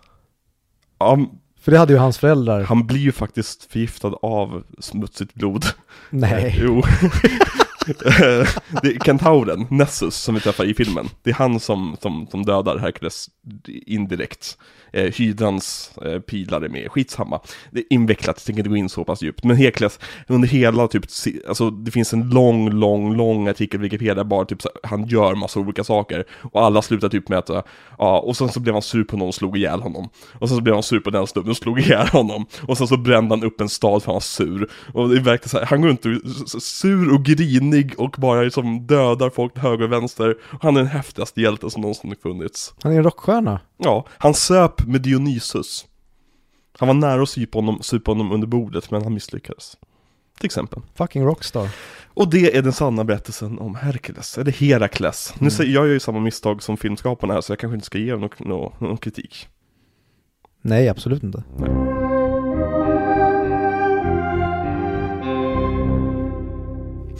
Vad tycker du om Herkules i den här filmen? Han är ju en bimbo. Ja, han är ju the Mimbo. Exakt. Och Som är snäll Johnny Bravo. verkligen. Hade inte han träffat Meg, då hade han blivit serievåldtäktsman i TB. Mhm. För att så kåt som han är och liksom ser vackra kvinnor överallt med hans, det han kan. Fille hade aldrig kunnat tygla honom. Hade han inte träffat Meg på det stället han träffade Meg, då hade det här varit menace, again, menace to society. Det hade varit Herogasm. Eh, Exakt, men, eh, ja exakt, fast det finns bara en. Mm. Och han går runt i stan och kan dyka upp när som helst. jag vet inte varför, jag såg framför mig Herkules varningstexter uppsatta. Be, beware, Hercules kan dyka upp när som helst. Okej, ja, fortsätt, fortsätt. Nej, man skämtar inte om sånt där. Nej, Nu är vi allvarliga är allvarlig. i den här väldigt allvarliga filmen. Jag har i alla fall inte ont, ont i axlarna den här veckan. Det är bra. Ja, det är bra. Nu kan jag skratta utan, utan att det gör ont. Mm. Men hur var det att vara Arthur Fleck? Det var chockerande. Alltså det var ju, det värsta var ju sagt när, när, när jag bröt ihop på golvet. När jag skulle skämta och förbäcka och tyckte mitt eget skämt var så roligt. ja, ehm, men vi lämnar det. Her He- Herakles, Herka, Herke, Herke. han är ju en sån sjukt likable idiot. För det enda han gör i hela filmen, det är ju bara, han är bara en idiot. Mhm. Hela filmen. Han har ju helt fel motivation. Rakt genom hela filmen och ändå älskar vi honom. Det enda gången han inte är en idiot är ju när han dödar cyklopen. Ja men Då man den i huvudet. ja, då är han på väg att bli eh, en sann hjälte. Ja. För då har ju hans motivation börjat liksom luta över till någonting annat. Men egentligen, när vi lär oss gilla honom, då hatar vi egentligen honom, för det är ju på grund av alla hans brister som han blir charmig. Man skulle kunna säga att Meg dränerade, citationstecken, hans energi och han har post-nut clarity när han blir hjälte. Ja, Det finns ju en metafor där man skulle kunna gräva efter. 100 procent. Om man är arkeolog. Nej, Nej, det var rätt ytligt. verkligen. Ja. Men, eh, nej, men jag, håller, jag håller med dig. Eh, Jag tycker om Hercules. Jag tycker det är så kul att hänga med honom. För att det, det, det är lite Thor-grejen. Mhm. Att han, han är, de skulle kunna gjort honom lite mer seriös kanske. Eh, bara ett snäpp till. För, för att få fram humorn i en seriös person i en oseriös kontext. Som måste reagera på saker och ting som man inte förstår. Det finns mycket humor där hämtas som de gör just i första två Thor-filmerna i alla fall. Eh, men, eh, nej, men jag tycker jättemycket om Herka. Det, Jag tycker de gör det du precis sa. mhm. Att det blir metat. Han går runt och, alltså han pratar om att vara en sann hjälte som att han har, utby- han har gått femårig utbildning. Mm.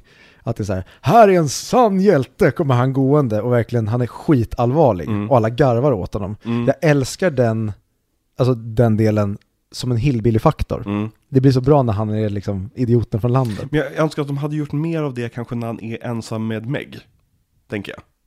För där blir han Mm. lite mer likable, lite mer goofy. Och det är så här, det, det, jag vet inte vilket som hade funkat bäst, men det är typ en tanke jag får bara om det. Mm. Eh, men eh, ja, nej, men jag tycker han- han, är en ikonisk Disney-karaktär. Och liksom, hans knän förbryllade mig så jävla mycket när jag var barn. Jag vet inte varför jag har fastnat vid hans knän.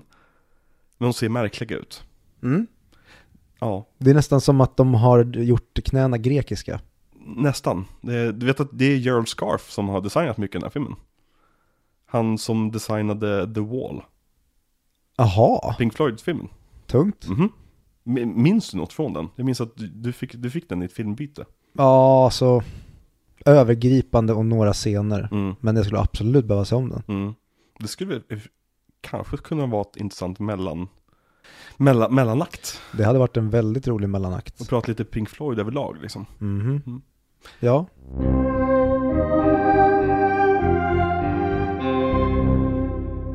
Jag var all, alldeles för kåt på henne alldeles för länge.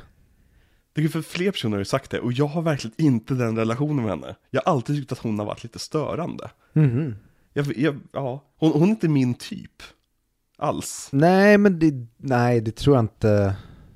Jag vet inte ens om jag har någon typ. Hon är så, hon, vad säger man? Hon är nästan karikatyren av en femme fatale.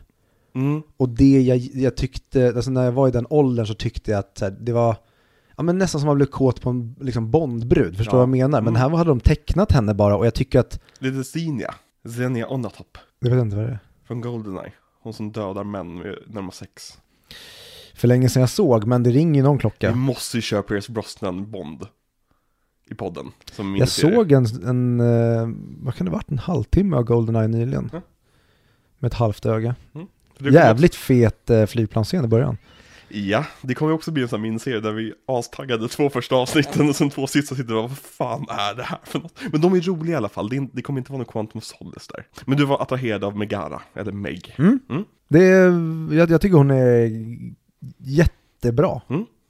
Jättecharmig. Mm. Alltså hon hon är kul.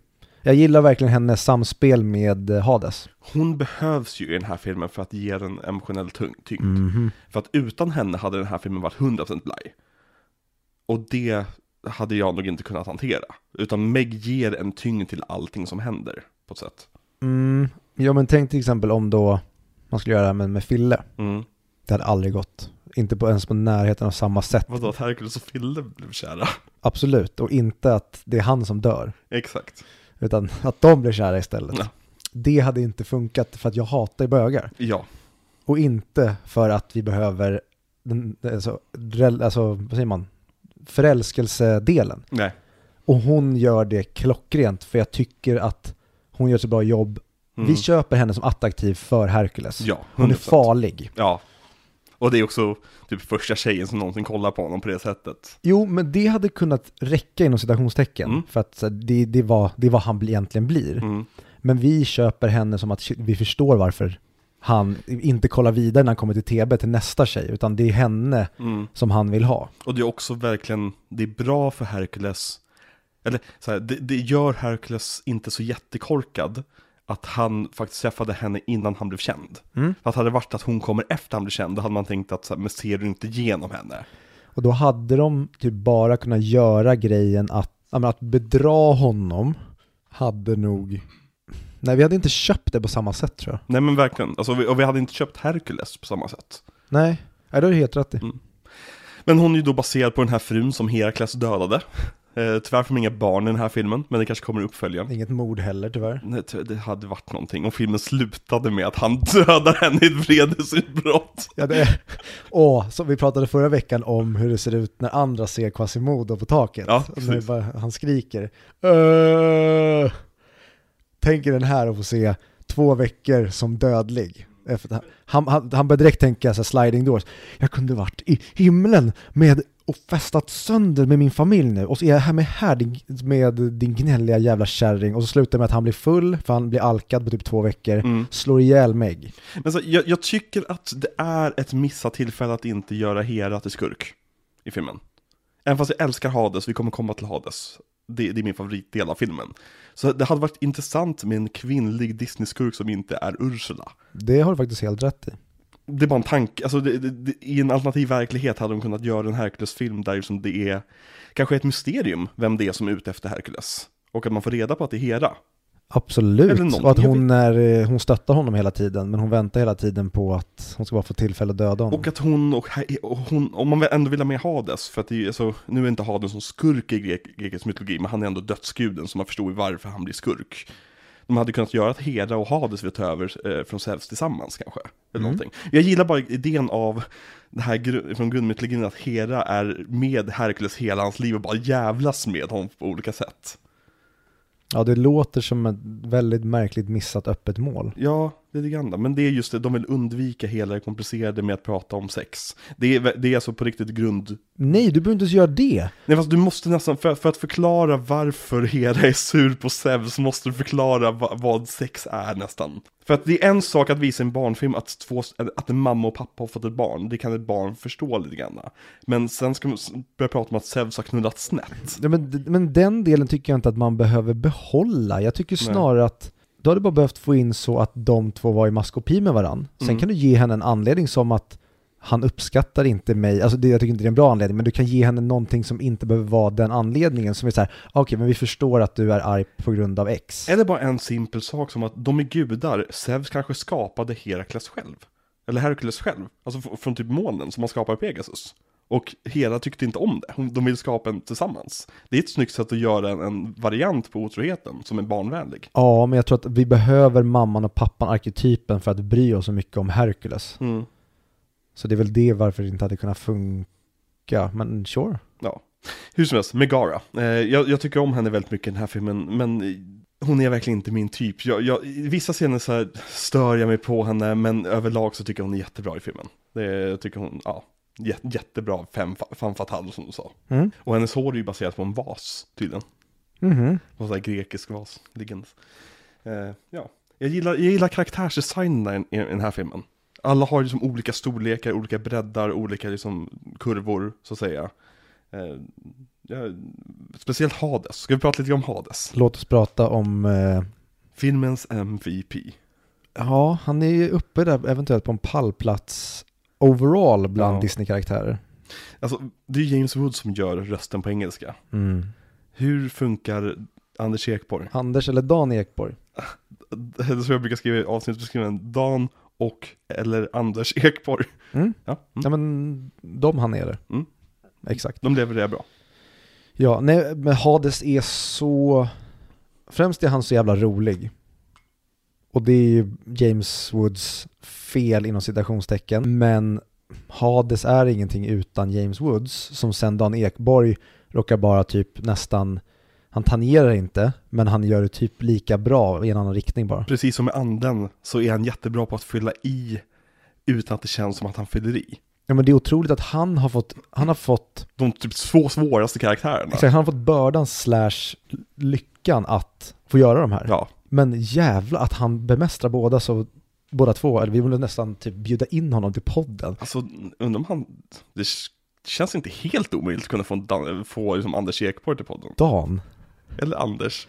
Dan! Ska vi, ska vi bjuda in Anders Ekborg och så bara fråga honom frågor om alla Åh, synd att vi inte var bättre eller liksom mer erfarna och hade någon, liksom någonting i ryggen. Mm. Men fattar du vad roligt det hade varit att göra en sketch Mm. med Anders Ekborg, Mm. där vi gör det här. Ja, men- han ja, är med på det. Jag ser fram- framför mig hur vi börjar med att bara prata om alla den jättemånga frågor, så måste han säga till så här, nej men hörni, jag var inte med Aladdin.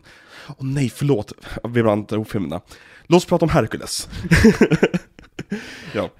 Eh, men eh, Dan Ekborg, if you're listening, eh, det, vi vill jättegärna ha med dig i den här podden. Vi kollar upp möjligheten. Vi kollar upp ditt nummer, så ringer vi. Ja, det gör vi. Ja. Han Men- känns inte som en e-mailsnubbe. han känns som en faxsnubbe för en anledning. Tycker du? Ja. Jag tycker han känns väldigt mobiltelefon 90-tal. Ja, jo nej förresten, det har du helt rätt i. Ja, Det är bara för man tänker på, hörru här är Mohammed. Ja, exakt. Du ska inte alls stå till höger vid macken. Ja, men eh, Hades var tydligen jättesvår för Disney-teamet att knäcka. Att liksom få eh, ihop hur de skulle göra den karaktären. Eh, och när Danny DeVito frågade som vem är det som ska spela Hades? Då sa han, vi vet inte, har du, du någon förslag? Och då föreslog han att de skulle ha Jack Nicholson. Mm. Och Jack Nicholson var intresserad eh, och han erbjöds 500 000 dollar. Men han krävde ju då 15 miljoner istället och 50% av intäkterna från all Hades merch, det vill säga Joker-dealen som han hade fått på Batman-filmen. Fan vad taskig han är. Ja, nej men han känns verkligen... yeah, where's the money? Ja. Eh, Så John Lithgow togs in för att göra Hades. Och han höll på i nio månader med att försöka få till det. Och det funkade helt enkelt bara inte. Så han fick gå. Gud vad jag inte kan se med honom göra Hades. Ja, fast det kan jag inte- han, har gjort, han gjorde ju Lord, Lord Farquaad till exempel. Det är någonting helt annat. Ja. Fast tänk på att i i det var Hades någonting helt annat. De hade ju som ingen karaktär till honom egentligen. Eh, för de tog ju in alltså, flera andra skådespelare för att testa. Till exempel Kevin Spacey, Michael Ironside, Jerry Lewis, Martin Landau. Eh, men ingen liksom lyckades få Hades att flyga. Att göra någonting ordentligt med honom. Men så kom James Woods in och gjorde en typ impression av en sliskig Hollywood-agent. Och då bara föll på polletten ner och bara allting klickade bara. Där har vi där har vi Hades. Så liksom alla hans eh, manerismer, heter det på svenska, heter det så? Fråga mig inte. Ja, hans eh, kroppsspråk och alla hans, liksom, hans minspel och grejer. Det är taget från James Woods inspelningar i båset. Som de sen bara animerat, precis som med Robin Williams. Så den här karaktären är verkligen, verkligen James Woods egen. Det här var inte vad karaktären var innan, utan han var mer av en sån regelrätt ha skurk liksom. Och i Sverige tog de in Dan Ekborg som de ritade av. Exakt, precis. Nej men så, så det, det är verkligen, det är kul att du tog upp liknelsen mellan de två, för att de är verkligen samma typ av rolltolkning. Och det är bra att, det är så, det är så jävla imponerande av Dan Ekborg faktiskt lyckas med det här. För det minns jag ju som original, alltså när jag såg Hercules på svenska när jag var barn, att liksom, han passar verkligen som rollen. Mm. Ja, Dan Ekborg, vilken jävla skatt det är. Mm. Vad tycker du om Hades överlag i den här filmen? Eh, MVP by Miles. Ja. Eller, by Miles. Det är så många som är bra i den här. Alltså, Alltså, jag vet inte, jag, jag, jag skulle säga att ingen kommer ens närheten av vad Hades gör i den här filmen. Johan Ulveson som Skrik och Panik. Det är klart att de har inte samma, de, de, står, inte, de står inte, han kör båda också. Kul. som fan. Det är ju Bobcat Goldthwaite som gör en av dem. Jag vet inte om det Från polisskolan. no!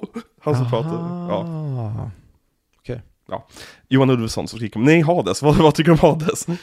Nej men han är Ja. super-MVP. Mm. Det, det här är en av de bästa, som jag sa, en av de bästa Disney-karaktärerna någonsin. Mm. Och hans, precis som med Robin Williams, referenshumorn Mm. är så jäkla Mm. spot on. Men det tycker jag hela den här filmen är fylld av. Den har väl, på engelska i alla fall, hade den väldigt roliga eh, ordvitsar. Eh, Svenska med. så jag tyckte det var eh, så här, imponerande ibland. Det var, eh, gud. Jo, när han kallar cyklopen för My Optic Friend. Och My Optic, det är närsynthet. Så My, my Optic, alltså min närsynta äh, vän, men också my, min person med syn. Ja, skitsamma. Det är väldigt roligt skämt tyckte jag. Ja. Nej men det är vä- väldigt mycket, alltså Hades, jag tycker han, hans design är typ en design jag inte kan få in i huvudet. Varje gång jag ser om den här filmen och kollar på Hades, då är det typ så här, ja men exakt, så där ser Hades ut. Och sen typ ha, är Hades mer mäktig i mitt huvud. Men han är bara en snubbe som går runt i typ en, en, en lång och säckig t-shirt nästan. Eh, och det tycker jag passar honom så jävla bra. Jag tycker överlag så är Hades-designen och, och liksom hans minspel och hur de liksom zoomar in på hans ansikte. och Liksom, jag tycker, nej, jag älskar Hades. Jag älskar de här Disney-skurkarna. Ja, jag med. De är, det är väl det, det är så tråkigt känner jag, för jag känner att det oftast pratas om Disney-prinsessorna. Och det är kanske är tidevarvet, vad vet jag. Men det är så konstigt att Disney-skurkar, eller de kanske är det ändå. Men jag tycker att de borde vara tydligare, det här ställer vi fram när vi pratar om Disney. Men jag förstår att man inte vill, liksom, vad ska vi bli förknippade med? Mm. Vi är skitbra på att göra vidriga, eller vidriga, eh, de dåliga karaktärerna. Det är klart man hellre tar fram sina liksom, protagonistkvinnor. Mm, Men jävlar vad jag tycker att Disney-skurkarna, det är ju det, Dis- det, är det finaste de har gjort. mm, Eller det bästa de har gjort. verkligen. För de rockar i nästan alla. Jo, alla. Ja men precis, även om eh, filmen inte är så bra. Även i Rescuers så är skurken det bästa. Ja, vad heter han? McLeish? McLeish borde ju vara fan vara uppe där på den eh, eh, som Olympus egentligen, för han var ju det roligaste med den filmen by far. Jag tycker i alla fall att om de skulle göra Renaissance Mountain med Mm. alla skurkarna, Mm. eller alla filmerna, Mm. då ska ju hellre McLeish ska ju upp än filmen. Ja men precis, exakt. Det är antingen han eller typ Jake, men Jake var ju rätt tråkig också. Fuck Jake. ja. Men eh, Skrik och panik då? Vad, vad tycker du om dem, som, hur funkar de i filmen, för, utöver att det är Johan Ulveson? Alltså också fem av fem humor. Mhm. De de gör så mycket roligt och Mm. Jo- Johan Ulveson är så bra som två olika karaktärer Mm. som han gör humor, det är som att han gör två stand-up-akter samtidigt. Mm. Och rösten är amazing. Och jag tycker de är så, ja men de är verkligen två av de, det bästa med filmen. Mhm. Det finns så mycket som är det bästa med filmen, nu är det klart Hades är det bästa med filmen. Men de är så viktiga karaktärer för jag tycker de är by far de tydligaste liksom djuren inom citationstecken som inte är, som är sidekicks. Där tycker jag typ nästan att de kanske är bäst. Mhm. Ja. Mm. Jag tycker nog fan det. Okej. Vilka har du? Timon och Pumba är nästan Ja. får man inte säga tror jag. Nej men Sasu tänker jag. Är det närmsta. Ja, Le- ta bort Lejonkungen. ja vi kan, precis, inte, vi kan inte prata om Lejonkungen. Alltså, skönheten i odjuret, det har ju Cogsworth och Lumière och alla de där. Jag tycker inte de är i närheten. Tycker inte? Nej, jag tycker de är mer som ensemble. Ja. Men jag tycker, nu Ja, när jag såg om dem så var de absolut inte lika färgstarka som jag minns dem. Du säger ju sant. Alltså sidekicksen är ju typ det svaga med Disney-filmerna. Och ändå idag har de Nej, blivit så... nej, nej. Apu. Men- Abu menar jag. Jag tänkte, vänta. Vem? Abu från Simpsons. Vadå, vad är det du inte förstår? Han dyker upp i alla Disney äger väl Simpsons nu för tiden? Ja, det gör de ju. Ja, exakt. Faktiskt. Det är ju en Disney-serie. Så jag menar att du trodde en sekund att jag menar att Apu från Simpsons är min bästa animal companion. Det räddar oss. För det, det, det gör oss eh, allmänbildande. Ja. Bildade. Nej men Ja, Abu bra. från Aladdin. Han, han skär ju den, den pokalen. Nej, Jag tycker inte det. Jag kanske tycker att han är som karaktär och kompis. Ja. Men jag tycker inte karaktären, alltså så här, när jag, när jag ser dem framför mig så dyker inte han upp. Quasimodo. Vad säger du för någonting? Okej, eh, ja. Vänta, Eh, så, så du har sett filmen som att det är Esmeralda och hennes två sidekicks, en get och ett mongo. nej, jag ser som att det är superhjälten Phoebus film. Jag har inte superhjälten Frollos. Nej, nej, Frolla är skurken. Phoebus är ren, han, han vill inte ligga med någon. Phoebus är ingen ren. Det är bara en get med. Nej, Jag kollade på blå. Vänner innan jag åkte hit. kall. Och då hämtar Joey eh, en Bullwinkle keps hemma hos Chandler. Och då säger Chandler Hey, when did you start using mousse in your hair? Och det är så jävla dåligt skämt som är jättebra för att det är hu- hur de levererar det och kontexten. Ja, och det är tråkigt även i serien. Exakt. Det är det som Det är gör, det gör skämtet. Joey sur. Precis. För att det är oskön, nästan mobbningsgrej. för att han har precis fått Eddie som roommate som han ska imponera på. Mhm, åh gud. Goldberg, vad heter han? Ja. Adam Goldberg. Mm, ja, precis. Vad tycker du om honom? Jag gillar honom. Jag älskar, han, han är alltid på rätt våglängd för mig i sin typ vrede. Han, är, han ska ju alltid vara den där typen av karaktär. Ja. Och jag hatar honom, men han är så bra på det. Mm. Men jag tycker varje gång han dyker upp så bara, åh nej. Vad var det han var så sjukt bra i senast? Eller senast typ tio år sedan säkert, men Det är något han dök upp i, typ någon sån Adam McKay vill jag säga, alltså, men det är det inte Mhm. Ja, det, det, när jag tänker på honom, då tänker jag på Entourage. Ja, det, det har inte jag sett då För det är en gul serie Du, du har väldigt rätt. Den är väldigt gul. Ja eh, vi, vi släpper Adam Goldberg Ja, det känns som vi behöver eh, en och en halv timme och vi har kommit till karaktär fyra. eh, Vi kan ju gå på årets farsa, Zeus Före Fille. Ja, Okej. vad tycker du om Zeus? Älskar Zeus. Alltså han, han, han är ju hänsynslös. Det, det, det är så kul hur de lyckas bortförklara det i en låt. Att så här, de kommer inte ens och hämtar Hercules efter han har blivit kidnappad. Det verkar såhär, jaha. Ja, ja. Hej då, Hercules. Åh nej! Alltså, fan, inte en till. Jag sa ju att det här inte skulle hända igen. Det är som att Zeus inte kan simma och de har tagit honom ut till havs. Ja, men precis, Han bara- verkligen. Sorry, jag tänker inte riskera mitt liv. Ja, exakt. Ja. men eh, ja, Zeus, jag, jag älskar hans karaktärsdesign. Mhm. hur, hur extrem han är i karaktärsdesignen. Det är verkligen en, en gud, en gud liksom. Jag tycker ju de eh, har, det känns som de verkligen har tittat på den här Zeus när de har gjort Russell Crowes Zeus. I, eh, vad heter den? Love and Thunder. Exakt. För han är också den här stora överdrivna nästan, Mm. men också lite bimbo-karaktären Mm, som är bara ett asshole. Jo, men man kan se hur Zeus är Herkules pappa. Mm. För båda två är lika korkade. Ja. Ja. Och Zeus är sån, han är sån jävla douche. Men Mm. här får de ju precis nästan som de får oss att gilla felbesluts-Herkules, som vi ändå bryr oss. Mm. Så är det att han är en idiot Zeus, men fan vad charmig han är. Vet du hur mycket en idiot Zeus är?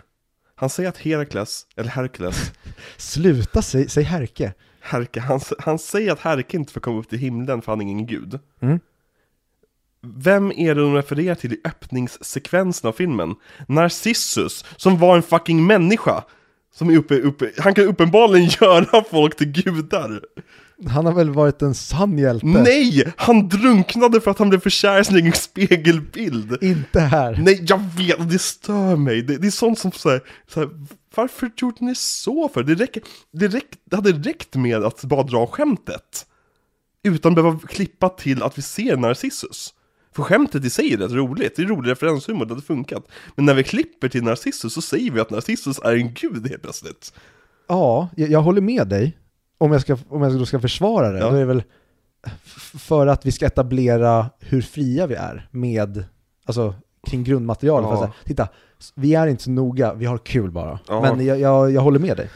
Ja, ja, så uppenbarligen kan ju Zeus fixa grejen. Så varför fixar han det bara inte åt Herakles? Jo, för att han vill inte ha honom där. Herkules, förlåt, Men Arnold. Han vill inte ha en jobbig snorunge, han vill ju bara pippa. Exakt. Han vill förvandla sig till en häst och sätta på Europa.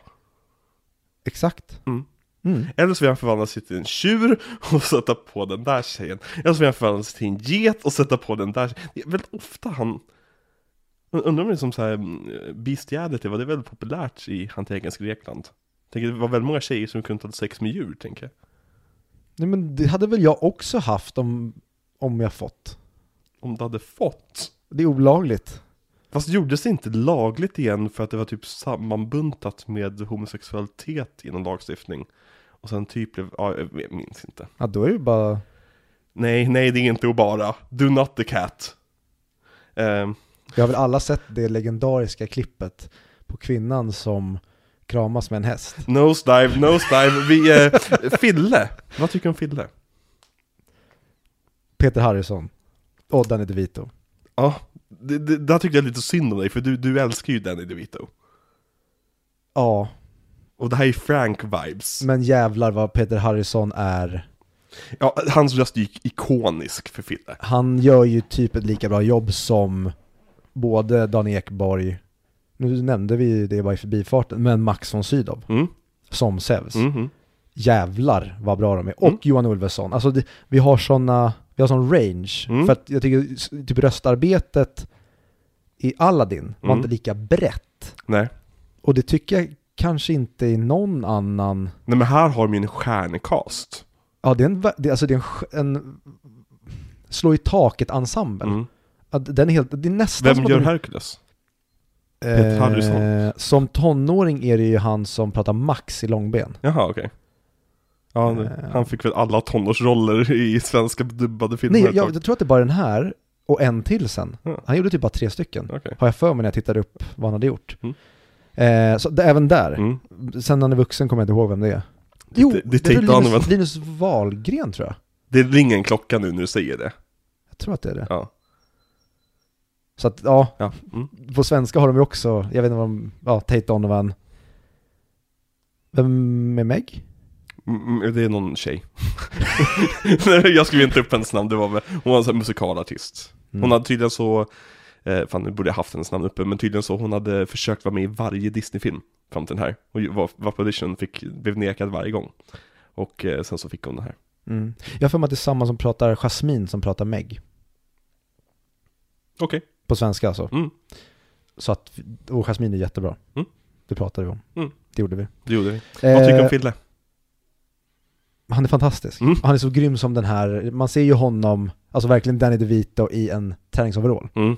Ja, För det är den, den han är. Han är liksom den alkade, Ja, men- ehm, vad heter det, idrottsläraren typ. den är ju skriven för Danny DeVito. Och Den- det märker man ju så jävla hårt. Alltså det är ju bara honom rakt av. Alltså han tackar ju, han tackar ju först nej till rollen. Eh, men sen så togs massa andra små arga män in för att göra audition. Och en av dem, eh, Red Buttons, sa efter att han misslyckats så här, "Men vet ni vem ni borde ta in för att testa? Danny DeVito borde ni testa. Och då var det så här, fuck, vi måste ha Danny DeVito. Så de övertalade honom. slut. Verkar inte han vara kanske världens skönaste snubbe? Danny DeVito? Ja. Ja, jo, kanske. Ja. Han-. Allt jag ser honom i, även när han är sig själv, Ja. nu kollar jag på behind the scenes, the making of, Mm. av den här filmen. Och han verkar, ja men han är typ Frank. Han Men är det, så är, här, det är så sjuk get för It's Always Sunny att få honom. ja men det, det är nästan kronan på verket, så här, Ja. men vänta, du är med här. Mm. Det är så jävla konstigt för en, en, en av de största liksom, Mm. filmstjärnorna Ja, men- ever. Och regissör, han har ju liksom regisserat ordentliga filmer också. Han, Det vet jag inte om. skulle jag nästan, ja. Vet du inte? Nej. Okej.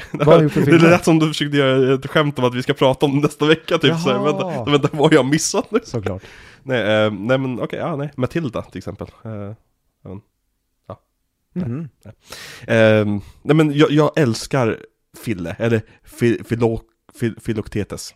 Filoktetes.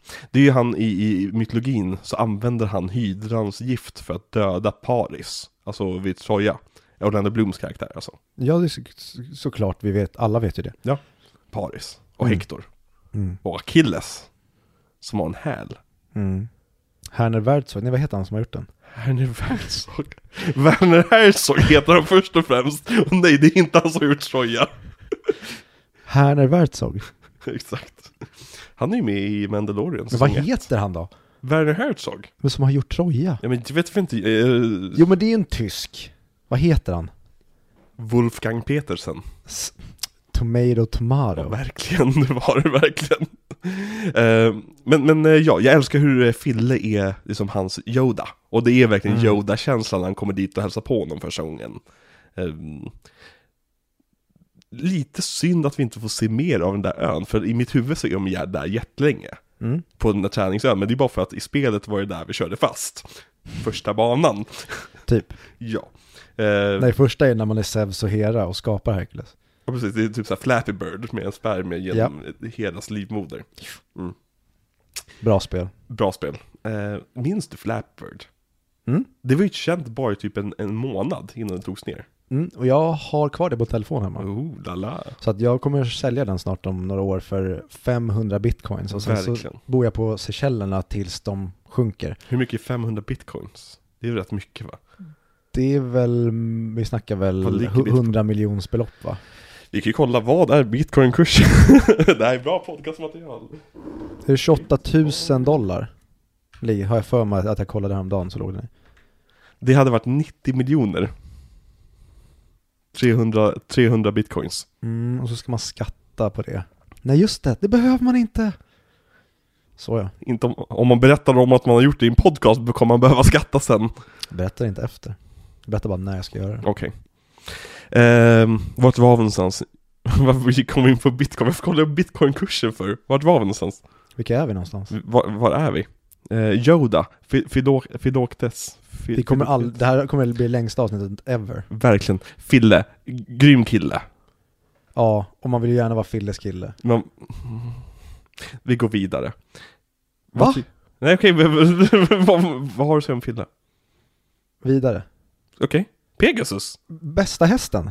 bästa hästen. Bästa hästen i Disney skulle jag säga. Till, till och med bättre än, än, än, än uh, Phoebes häst. Mm, Okej. absolut. Ja. A- absolut. Det är Väldigt många hästar med i filmen nu för tiden. Alltså i den här biten av eran. Det är väl en lätt companion att skriva in i de här berättelserna. alla hade ju hästar antagligen. Liksom. Ja. Ja, ja. Idag hade det varit en iPhone. ja men Pegasus, okej. Om man ska, Pegasusen. Den hör ju till Perseus-myten. Jag skulle säga ju. Som att det är common knowledge. Ja, Det är inte det. det är det. Det, Det borde vara det. Ja men det Eh, är inte det. Okej, Perseus-myten, den, men där, jag har inte problem med det, för det är ju samma typ av era. Det är ju inte en, typ en romersk grej att Pegasus finns, utan att ge den bara till Hercules istället för Perseus, för att få lite dynamik och en ny, rolig karaktär i filmen. Det tycker jag är ett okej sätt att göra på, jag vill bara separera liksom, vad, Mm. vart min gräns går någonstans liksom.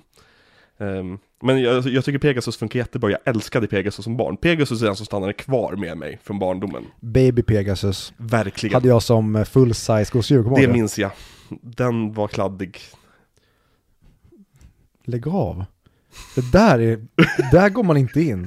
D- där går min gräns. Är det där din gräns? Du har hittat den. Jag har hittat din gräns. Man besudlar inte Baby Pegasus gosedjuret. Vadå, det var det du gjorde under hela barndomen. Jag minns, Du vet att jag hade skrik och panik också? ja. Det var mer min kopp te. Mhm. Pegasus fick titta. Okej. Vad bra. Ja. Eh, ska vi prata musiken här filmen? Du, låt oss prata musik i den här filmen. För det här är Alan Menkens sista klassiska Disney-film. Och texten skriven tillsammans med David Zippel. Och de två skulle samarbeta igen i en annan AVK-film.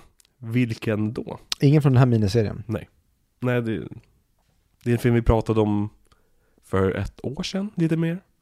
Nej, lite mindre menar jag. Mm. Hmm. Mm.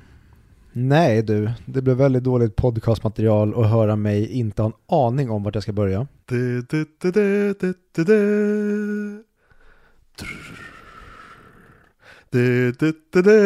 du. Du. Va? Who is the du, du, du, du, du, du, du. The Star Spangled Man with a Plan. Från Captain America. Ja, åh men. Uff, du hade fått vänta i Ja, månader Jag om jag skulle hitta det där. ja. men den är väldigt bra. Och den, eh, jag tycker väl, jag tror jag nämnde att det var Menken som skrev det i det avsnittet. Det gjorde du, men Ja. jag minns inte att det var Menken. Nej. Men eh, så det, det hej då till Alan Menken. Han, eh, han, han avslutar inte på topp, men av, av, avslutar eh, väldigt, väldigt högt. Jag skulle säga att han avslutar med heden i behåll. Jag skulle säga att han är nästan... Fan, nej, nu går man till att jämföra genrer här. Mm. För det här är ett komediscore mer. Ja. Det, det, den här filmen, alltså ska vi, den här filmen, ingen låt här tävlar ens med de bästa låtarna han har skrivit. Men det här är ett dugligt score för filmen. Men det finns inga bangers här så jag känner att oh jävlar, det här lyfter till ny nivå. Eh, som i typ Hunchback eller, alltså till och med i Pocahontas som jag inte tyckte så jättemycket om så fanns det en eller två låtar. Här känns det som att alla låtar servar filmen bra. Men det finns ingenting här som jag kommer ta med mig vidare. Eventuellt kanske, eh, vad heter den? I won't say. Den tyckte jag, den vill jag minnas som att den var tråkig men jag tyckte den var jättebra. Mm. Alltså Megs låt. Ja, jag eh, håller inte med. Jag tycker ju att det här soundtracket är, som jag sa, det är Max Martin-skiva. Mm. Alla är liksom dängor. Mm. Hur det bara inleder med de, vad heter de? The Gospel Truth, eh, musorna. Mu- exakt, musorna. Älskar det, när Mm. de kör med sina kraftiga stämmor. Ja men jag älskar också hur de har eh, tagit det här, vi ska prata om gudar. Vad är prata om gudar musik för amerikaner? Gospel. Mm. Det är en skön, en bra liksom, liknelse mellan dem. Jag tycker det är en av filmens absolut bästa låtar. Mm. Så tycker jag jag kan klara av det. Jättebra också. Otrolig, alltså verkligen så här nästan flickan står i sitt flickrum, Mm. optimal låt. Alltså så här, den låten är nästan där för att ta mig till den här wow-platsen. Men den har det här problemet att den är typ lagd för låg i hans röst. Alltså, hade den bara höjt den typ två tonsteg så hade den varit så jävla mycket mäktigare på slutet. Det känns som att han får aldrig liksom ta i i den låten. Utan det känns som att det ligger i ett bekvämt ställe. Däremot så gillar eh, Michael Boltons version av den på soundtracket. Han tar ju i och bara typ kung och fosterland. Och då blir den låten magisk. Ja, men Eh. det kanske tas i mer på den svenska, för jag tycker han verkligen tar Ja, men det kanske passar bäst, bättre för hans, alla röster är ju olika, man har ju sitt, sitt fång, fång liksom. Så att sjunga på svenska kanske, den kanske ligger högt för honom, och då kanske blir mer kraft. För att han sjunger på, på engelska, det känns som att han, han är ute och trallar lite grann. Även fast det är, det är en rätt hög låt liksom, så, så känns det inte som att det är kraft i det. Nej. Ja. Men jag, tycker, jag tycker det är en jätte, jättebra låt, jag älskar ehm, hur den är skriven. Alltså den här... Det här svällandet liksom. Mm. Det är väldigt, väldigt bra. Ja, jag tycker det är som perfekt coming of age, liksom skänka mod till en ung tonåring-låt. Mm. Och jag gillar den uppdelad i typ tre faser också. Mm. Med en repris och allt sånt där. Mm. Mm. Mm. Det- En kille som faktiskt ville bli bäst en dag.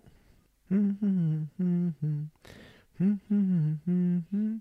Mm, mm, mm, mm, mm, mm. Det kanske är Danny DeVitos sångröst. Men den låten skavde rätt mycket för mig. Mhm. Mm. Men jag gillar själva sekvensen väldigt mycket för att ett träningsmontage är alltid ett träningsmontage. Och det är alltid kul att kolla på. Speciellt i den här referensfilmen. Ja, precis. Så liksom, jag gillade väl, verkligen eh, själva sekvensen men kanske inte låten. Mm. Jag älskar ju att den är så anspråkslös. Mm. Att det bara är en nästan inte riktigt pratar, men det det är mer en, en visa nästan. Ja. Mm. Om man kan säga så. ja. men den försöker inte slå på så stora trumman. Nej, Och den påminner mig så mycket om tv-spelet. Alltså den är hela, väldigt catchy. ja. Det, är det den som går? Mm. Ja, ja, precis. Ja, men den sitter kvar i mitt huvud, Mm. ändå såg jag igår. Eh, ja. ja, men så, den skavde lite för mig, men jag tycker om sekvenser så jag tycker det funkar. Och den är rätt kort också. Den bara svischar förbi, så jag har inga problem med den heller. Mm. Eh, och sen har vi Zero to Hero. Ja, bra skit. Ja, den, den, den är bra som låt, Mm. men jävlar vad den är bra som reklamlåt. Mm, För ja. Hercules-reklamfilmen. Exakt, ja, men det är det, det är det den till för. Och jag gillar också, jag är så svag för gospel och gospelkörer. Eh, däremot har den här låten en av, en av de här textraderna som jag, nu, nu kommer historia-Alex fram igen. De sjunger Who put the glad in gladiator? Och inte fan var det Hercules, för han är 800 år äldre än en gladiator. Gladia gladiatorer är romare, jag förstår inte. Men tror du på kvinnorna som sjunger i låten att jag aldrig kommer älska igen? Tror du att de aldrig kommer älska igen? Ja, fast, Om de helt plötsligt random sjunger och sen åkte iväg i ett rymdskepp i sin, i sin kärleksballad, då, då, då skulle jag också bli förvirrad. Jag tycker det, det känns... Det känns Men som att... Det är ju en hyllning, det är så här, han är så bra så att det var han som Ja, men gjorde det. använd dig av grekiska saker då, varför måste du använda romerska saker? Det är två helt olika tidsperioder. Det är ju som att jämföra ju som Hitler med eh, som Henry VIII. Nej, de är faktiskt närmare varandra i tid. Men spelar det någon roll hur nära man är i tid? Alltså, det är ju en... Ja, men de har ingenting med varandra att göra. Kan, han får inte säga en typ riddare heller. Hade varit riddare hade varit mer okej, för det känns inte som att det är ett fel. Förstår du? För en riddare är ju så tydligt på andra sidan jorden, eller andra sidan Europa för dem. Medan det här känns verkligen som att de tror att romartiden och grekiska tiden är samma. För de gör så många miss, sådana missar i den här filmen. Ja, ja, ja. Ja, Sure, Ja. pick your battles. ja det här, this is the hill I'm going to die upon. Och de en är av typ Roms tre, tre kullar. Menken och gänget bara... ehm, Okej, ligg där du. Vi går. Så länge. Eh, men vad tycker du om, eh, Zero to Hero, utöver eh, att det är en bra reklamlåt för, för Herakles? Den är un underbar. Mm. Den, den är... Det är en banger Mm? i Hercules-världen liksom. Ja men och sen så eh, när de går upp liksom på slutet liksom, på just det här, put the glad gladiator-biten, jättebra tycker jag. Ja. Jag gillar den. Eller, åh, den, den sekvensen, hela musikvideon till Mm. det, är så jävla bra. Och sen I won't say, som jag var så nervös för när den skulle komma. För verkligen såhär, åh, en, en, en till långsam ballad där den kvinnliga karaktären går runt och sjunger om hur, hur kär eller ledsen hon är. Och så bara blev, verkar, det blev en banger. Bra tempo, och liksom bra körer och liksom, det hände intressanta saker i sekvensen och så här, där blev jag verkligen såhär, åh, kul, nice. Mm. Jag, jag gillar den. Copy-paste, jag var Mm. också... Ah, det känns som det här kommer bli cringe. Mm. Lite lökigt för hon, hon är ju inte den här karaktären. Exakt. Och det passar inte in och så... Oj, vad hon blottade sig. Mm. Och det är så jävla bra, vad säger man, turning point för Meg. Mm. För jag, jag har svårt att se hur vi skulle kunna få samma sympati för henne om hon inte fick sjunga det där. Nej, precis. Exakt. Det är det musikal är bra för. Mm. Att kunna ge oss tillåtelsen att vara lite lökiga med känslorna. Jag skulle vilja se hur någon annan ser en musikal Mhm. där personen bara sitter och tänker det de sjunger. Man kommer på det. Så filmen är bara folk som när, när, istället för musikalnummer, då bara sätter de sig ner i fem minuter. Och bara, hmm. Och sen så fortsätter filmen. En antimusikal. Ja, exakt. Mm. Göra Grease fast antimusikal. Ja, Eh, och sen sista låten är A Star Is Born. Och den tyckte jag var rätt generisk, även fast den är bra och härlig och... Men det känns som en lite... Det känns lite rehash på de tidigare musornas låtar. Och jag tycker de var bättre. Eh, men överlag så är jag ingenting emot, den låten. Alltså det, den avslutar filmen. Mhm. På en bra, bra ton. Eh, Mhm. däremot så har jag en grej jag stör mig på i den där låten också. Ja men kolla, okej. Okej, hur långt ifrån är de varann nu då? Nej, det här är faktiskt ingenting med, med, det här är någonting som är typ nästan mer egregious faktiskt. Stjärnbilden Herakles, eller Herkules. Eh, Nej, den heter faktiskt Herkules, för det var romarna som kom på den stjärnbi- stjärnbilden. Den, den är en stor del av Herkules-myten, att han får en stjärnbild av sig själv. Den stjärnbilden kan vi se idag. Och den ser ut på ett specifikt sätt. Va, Den ser inte ut som Disney-karaktären. Nej, den ser ut som en man som sitter på eh, en knäböjd med händerna upp så här. Det är verkligen, verkligen hjältepose. Mm. Varför gav de inte honom den posen i filmen för, som stjärnbild? Varför var de tvungna att hitta på en ny stjärnbild för Herakles när det finns en Herkules stjärnbild? För att det är en poprulle. Nej fast, det, det, det, det, där, nu, nu, nu, nu blir jag Neil deGrasse Tyson här i, när han pratar om Titanic. Men liksom så här, varför hitta på stjärnor när det finns en, en, redan en bild? Och vad, vad, skillnaden mot att animera Herkules står ju som eh, armarna upp och spänner sig jämfört med att han står ju som eh, bara hjälteposen. Jag, jag vet inte, varför, varför ändra på det? I don't know. Ja, det, det störde mig. Varför sa karaktären inte det sådär? För jag tyckte han skulle säga det sådär. Fast det, det, här... Varför använder de inte Where Art Thou? När det, det utspelar sig i Shakespeare-universum. Det är inte det jag säger. Det, Jag det jag säger är, det finns en stjärnbild som heter Herkules. Hans story handlar om att han Men den handlar om Herakles. Ja men han... Det finns en stjärnbild som heter Hercules. Va, då, Storyn handlar om att han ska få sin stjärnbild på himlen. Varför inte använda sig av den riktiga stjärnbilden? Varför hitta på någonting? Som dessutom är sämre enligt mig. Men det är, det är en annan femma, det är en smaksak. Anywho, Anywho. animationen i den här filmen. Mm. Jag tycker miljön är helt jävla gorgeous. Jag tycker hela den här filmen är gorgeous. Den är som att se en... eh, Den, den är liksom som en tavla. Alltså, där håller inte jag med. Jag tycker att det här är ett steg tillbaka från, från Ringen Notre Dame-stilen. Eh, Jag tycker just- bara den är annan. Ja, det är den ju. Men jag tror det, det är grann det, jag tror den här färgglada, eh, väldigt skarpa stilen som de har på karaktärerna får mig att, att reagera just på som att det är Disney, Disney-dagsprogram snarare än, än som en seriös stor film. För att jag tycker att, att miljöerna och liksom designarbetet är superbra. Men just karaktärerna ser nästan lite slarvigt ritade ut ibland. Och jag, vet, jag fattar att det, det är en karaktärsstil, alltså det är baserat på Gerald Scarfs liksom, ritningar och han är ju en väldigt, vad ska man säga, han har väldigt, att man får tolka karaktären själv lite grann. Eh, Så det är ju det bit, alltså designvalet de har gjort. Men jag tycker att jämfört med Ringen Notre Dame så ser, ser den här nästan, inte, inte ful ut, men den ser fulare ut än Ingen. Ingen. Mm. Nej men jag förstår om man tycker, för jag tycker det bara handlar om smak. Mm. Här har de valt att gå i en helt annan stil. Mm. Och jag tycker den är, ja men återigen, hur, hur, hur ritar du den här popdängan? Mhm. Det är så här popdängan ser ut. Mm. Det är precis de här färgerna, att den är så färgglad och som passar in i tonen, Mm. allting. Och jag tycker det är som, ja men, jag säger det igen, det är en Mm. Max Martin-platta. Har du något favoritdesignval i den här filmen? Mm, det är nog hur de ehm, tolkar Grekland. Alltså egentligen, Mm. det, det känns som att allting är utifrån en, en liksom grekisk mall. Förutom namnet på karaktären, huvudkaraktären då? Ja, precis. Ja. Så att förutom det. Ja, nej men jag förstår vad du menar, alltså det känns som att Till och med knäskålarna känns som jag sa, som att det är någonting Ja. en grek har designat. Det känns som att de har animerat en Disney-film och sen tagit en AI som har, har grekifierat den. Ja, verkligen. Och även liksom, bara ta hur kullarna i vissa scener är utformade som att typ så här penseldrag som går runt och grejer. Molnen. Ja, precis. Och allt är ju taget från Gerald Scarfs liksom, grundkoncept. Eh, men de var ju tvungna att ändra om hans lite grann för att annars hade det inte funkat som film överhuvudtaget. Men man ser hans influenser väldigt tydligt på just Hades eh, och även på Titanerna.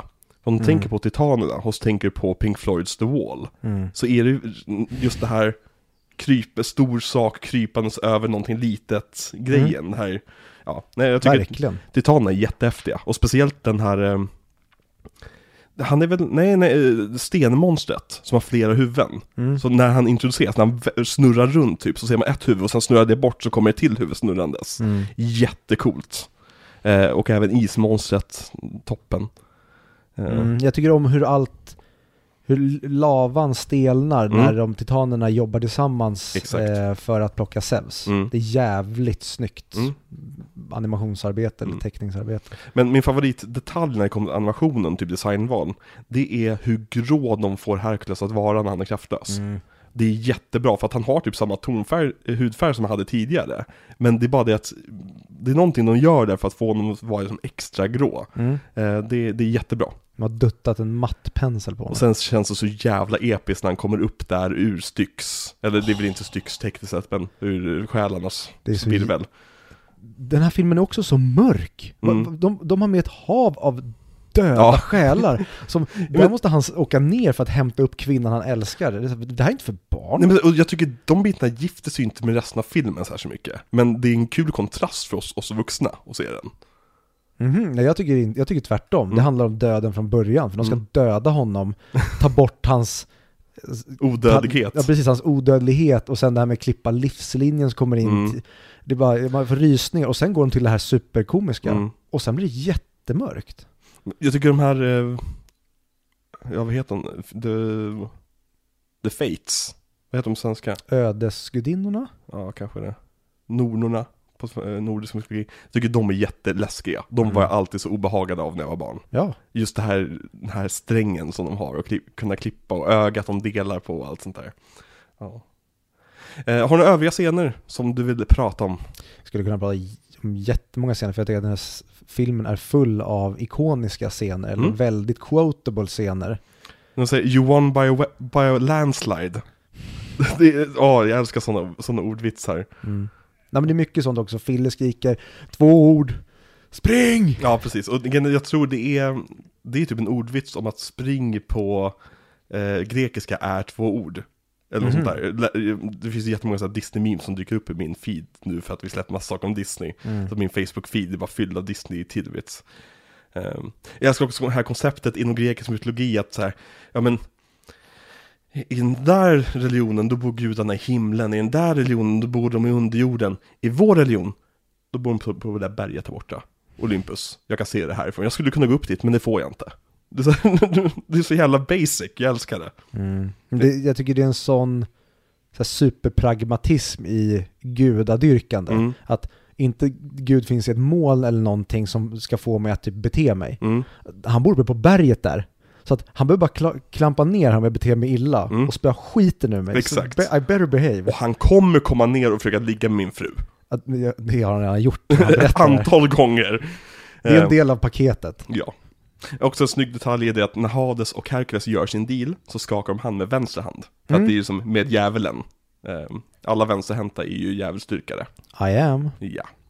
Eh, Och när, på slutet, när Herkules fångar vindtitanen med händerna och Mm. slungar runt honom, kändes som ett typiskt Herkules sitter i baren och skryter moment. Ja, så, tog jag tag i vindmonstret och slungade iväg det. Men hur gjorde du det? Det är gjort av vind. Äh! det, det bara löste sig. Um, och även Det dödas flod. Peter Jackson måste ju blivit inspirerad av hur den ser ut Mm, ja. till Sagan om ringen. Och eh, jag tänker framförallt i eh, The Dead Marshes. ja. Sure, det finns säkert någon som skulle liksom säga hundra gånger tydligare referens, men absolut. Ja. Jag köper det om det skulle vara så. För det är som precis under förarbetesproduktionen till Sagan om ringen Mm. som den här kommer. Jag vill se Sagan om ringen. Jag såg fem minuter i Sagan om ringen häromdagen. Ja. Och ja, höll på att få slag, som Mm. man säger. Det är en väldigt, väldigt bra filmserie. Det är ju det. Det var en väldigt, väldigt bra filmserie. Jaha. Sen kom Hobbit-filmerna. Ja men nu ska inte du blanda, bara för att någon har ett jävligt pissigt syskon så är inte det andra syskonet. Jo. Vad tycker du om posten till filmen? Hercules. Klassisk för mig, jag Mm. kan inte bedöma den, den, jo men den är, den är väldigt Disneysk. Jag tycker den är väldigt rörig. Alltså jämfört med de andra lite mer stilistiska. Till skillnad från posters. filmen. Ja, nej, men precis. Den passar ju filmen väldigt, väldigt mycket.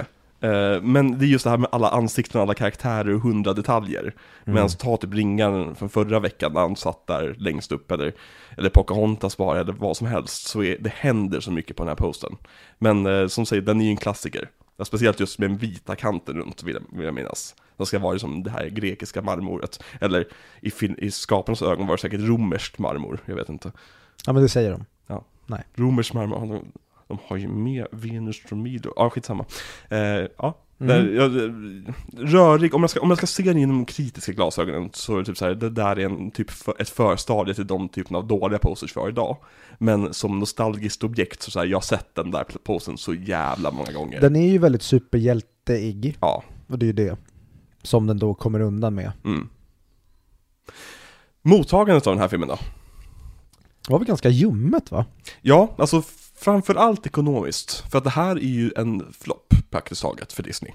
För att de la på jättestor marknadsföringsbudget. Där de hade en stor parad ner genom New York och de tvingade folk att släcka lampor i byggnader och så blev de stämda sen och grejer. Och det var ju som i varenda barntidning, varenda barnfilm, varenda, allting hade med Hercules att göra överallt. liksom. McDonalds. McDonalds-leksakerna, de minns ju jag till och med. Eh, så de hade lagt ner så jävla mycket pengar på att få det här till en succé och på de två första veckorna så drog den in bara 58 miljoner. Jämfört med Pocahontas 80 miljoner och Lejonkungens 120. Eh, allt det här gjorde ju så att Disneys aktiepris gick ner med 9,7%. Det där är ju intressant för att Pocahontas är ju jävligt dåligt för den följer upp Lejonkungen. Mm. Den här följer ju upp Ringen Notre Dame som inte var en sån succé ändå. Vi ser ju en tydlig trend neråt nu i intäkterna på deras filmer. Mhm. Och det är väl egentligen anledningen till att, nu, ska, nu är det inte dags att börja prata om slutet än, men det är väl an, en anledning varför den här eran slutade. Till slut. Den, den, den slutar aldrig. Den slutar aldrig i våra hjärtan. Men överlag så när det kommer till kritikermässigt så var det ju mest positivt faktiskt. Men framför allt var det Hades som hyllades. Alltså James Woods Hades nämndes i varenda, en, alltså varenda recension av filmen. Och det är det enda folk pratade om egentligen. Eh, hur bra han var. Mm. Eh, något som inte hyllades så mycket var just animationen. Eh, som sågs som rätt liksom så här slarvig, att det kanske inte fick riktigt den attention som de andra filmerna fick i som sin skärpa och klarhet. Mm. Eh, jag tycker om jag tycker färgerna i den här filmen är väldigt mjuka och härliga, men det är också typ karaktärslinjerna runt om. Mm. Alltså, och det skapar en kanske, en, en lite mer, en lite billigare effekt. Alltså som du säger, det är ju ett, ett val de har gjort för att göra den lite mer, lite kanske poppig, så att Mm. säga. Men jag vet inte om den hör hemma rent animationsmässigt med typ just i den fasen vi är, där allting blev så go- gorgeous snyggt. Mm. Eh, och det verkar inte kritikerna heller ha, ha tyckt. Och samma sak med musiken eh, har jag sett flera recensioner som klankade ner på. Att det var just så här, det här duger, men det är ingenting som ringer hem liksom, för mig. Mm. Och ändå tycker jag att många av de brytande designervalen de Mm. gör i den här satte sig sen i väldigt mycket som kom efter. Mm, Tycker typ Kim Possible, den stilen, Mm. påminner mycket om den exakt, här. jo ja, definitivt. Alltså den här, jag tror att den här låste upp nog rätt många nycklar för just typ Disney Channel-animationen. Mm. Att så här, vi, vi kan göra på det här sättet. Så det är kanske är därför, därför jag reag- eller associerar med det. För att det är den, den stilen som följde av den kanske. Eh, jag vet inte. Men det ska ju komma en, eh, en eh, remake på den här filmen. Det var Guy Ritchie. Som ska tydligen vara inspirerad av TikTok. Alltså när, när jag inte får upp den av Guy Ritchie, då är ju Mm. någonting fel. Mm. Så att fråga, jag, jag är så... Disney, sluta vara den här, det här svarta hålet som äter allting och förstör allting Mm. och bara... Ni, ni, ni har ingenting längre, ni är så jävla irrelevanta och ändå är ni typ too big to fail känns Mm. för ni lyckas alltid överleva. Nej, Ja. rör inte Guy Ritchie, låt Guy Ritchie göra sina projekt. Sluta lås in honom i några år, för vi behöver honom. Men han, det här, han har gjort sina egna projekt också. Han har gjort typ så här 18 filmer sen senaste Disney-filmen. Jo men han har lite för många missar just nu därför behöver vi hit, eh, vi behöver göra frikalendern för eventuella hittar. Fast missar, det vet vi inte. Vi har inte sett någon av hans senaste. Vi bara tycker att de ser dåliga ut på förhand. De kanske är skitbra. ja, eh, du, du har rätt, men jag ser att du har fel. Antagligen, men man vet aldrig när man sett det. Men Go the Distance blev ju Oscars-nominerad i alla fall. Eh, Men den förlorade mot en annan AVK-låt. Vilken då? Jaha, eh, My Heart Will Go On. Ja, såklart. Och det var ju ingen tävling egentligen det, det året. Nej, inte när juryn uppenbart är dopad. Yes. Dopad, Dopad. mutad heter det. med, med PCP. De var dopade, jag vet inte hur det förändrade utfallet men De tog ihjäl en massa kokain innan helt enkelt. ja, och då blir man jävligt populistisk. nej, nej, vi ska inte prata om kokain. Vi går istället vidare till betyg. Vad sätter du för betyg på den här filmen? 4 5, 4 av 5? ja. Yes. Det är precis som ett jättebra popalbum. Mm. Ni, siktar, ni kan inte bli 5 av 5 för ni siktar aldrig på det. Utan ni siktar på 4 av 5 som bäst och det är en 5 av 5 för er. Det här är lite kul för att nu är vi så här överens igen. Förutom det att vi har våra olika betygsskalor. Jag sätter 3,5 av 5 på den här, vilket är som din typ av 4 liksom. Nej, tvärtom. Är det? Min 3,5 är din 4, så vi är väldigt långt ifrån varandra. Nej, för du börjar, du börjar på 2,5 som, som godkänt. Mm. Jag börjar på 3. Ja, men, nej, förlåt, exakt. Ja, så, så jag ligger ett helt snäpp under dig, Mm. egentligen. Ja men du, Det jag, du tycker verkligen det är skillnaden. Du Ja. verkar tycka att den här är väldigt medioker. Och jag tycker att den här är, alltså, Jag skulle kalla den Medioker. duglig. ja. Den gör det den ska göra, den gör mig inte arg utöver på låtsas. Du gillar inte lika mycket så pop som mig kanske. Nej, det är väl just det. Fast jag, jag, fast andra sidan, jag tycker om poppiga filmer. Har du lyssnat mycket på Max Martins musik? Ja, jag är uppväxt med det. Men, uppvuxen med det. Har du lys- Jag lyssnar har du sett på det. det? Jag har växt upp i det. Jag hatar det. Läskigt hur Göran kom in i... Ja, verkligen. Göran får jättegärna... Jag Han är vår minns, producent. jag minns att din farsa snackade skit om Göran Persson hela tiden under vår uppväxt. Mhm, Ja. verkligen. Ja. Han var inte speciellt eh, nyanserad. Nej, han var inte så mycket Nyamko Sabuni. Nej. Nyanser, nyans. Partiet Nyans. Mikael Yxel är gäst nästa vecka. det hade varit något dock. Det hade varit eh, fånga hela den eh, svensk-muslimska lyssnarskaran. Ja. Tänk om det är vi som löser integrationen genom att hela, alla utsatta områden börjar lyssna på vår podd. Mm. Så de lär sig svenska och blir integrerade i det svenska samhället. Det här avsnittet är redan två timmar och 20 minuter långt. Så jag tänker att vi, vi lämnar det som en liten hint nästa vecka kanske. Mm. Och sen så, hur, vad, ska vi säga, vad ska vi prata om nästa vecka? Ping, Vi ska prata om Ping, Ping the Movie. exakt, och Pong. Ja, eller vi ska säga jävligt rutten kvinnosyn the movie. Mm. Vi ska prata om Mulan, Mm. konstigt nog. Det, jag tänkte säga, det är en 2008-film, det är en 98-film. Mm. Det känns inte som det. Året du föddes. Nej, jag var inte född då.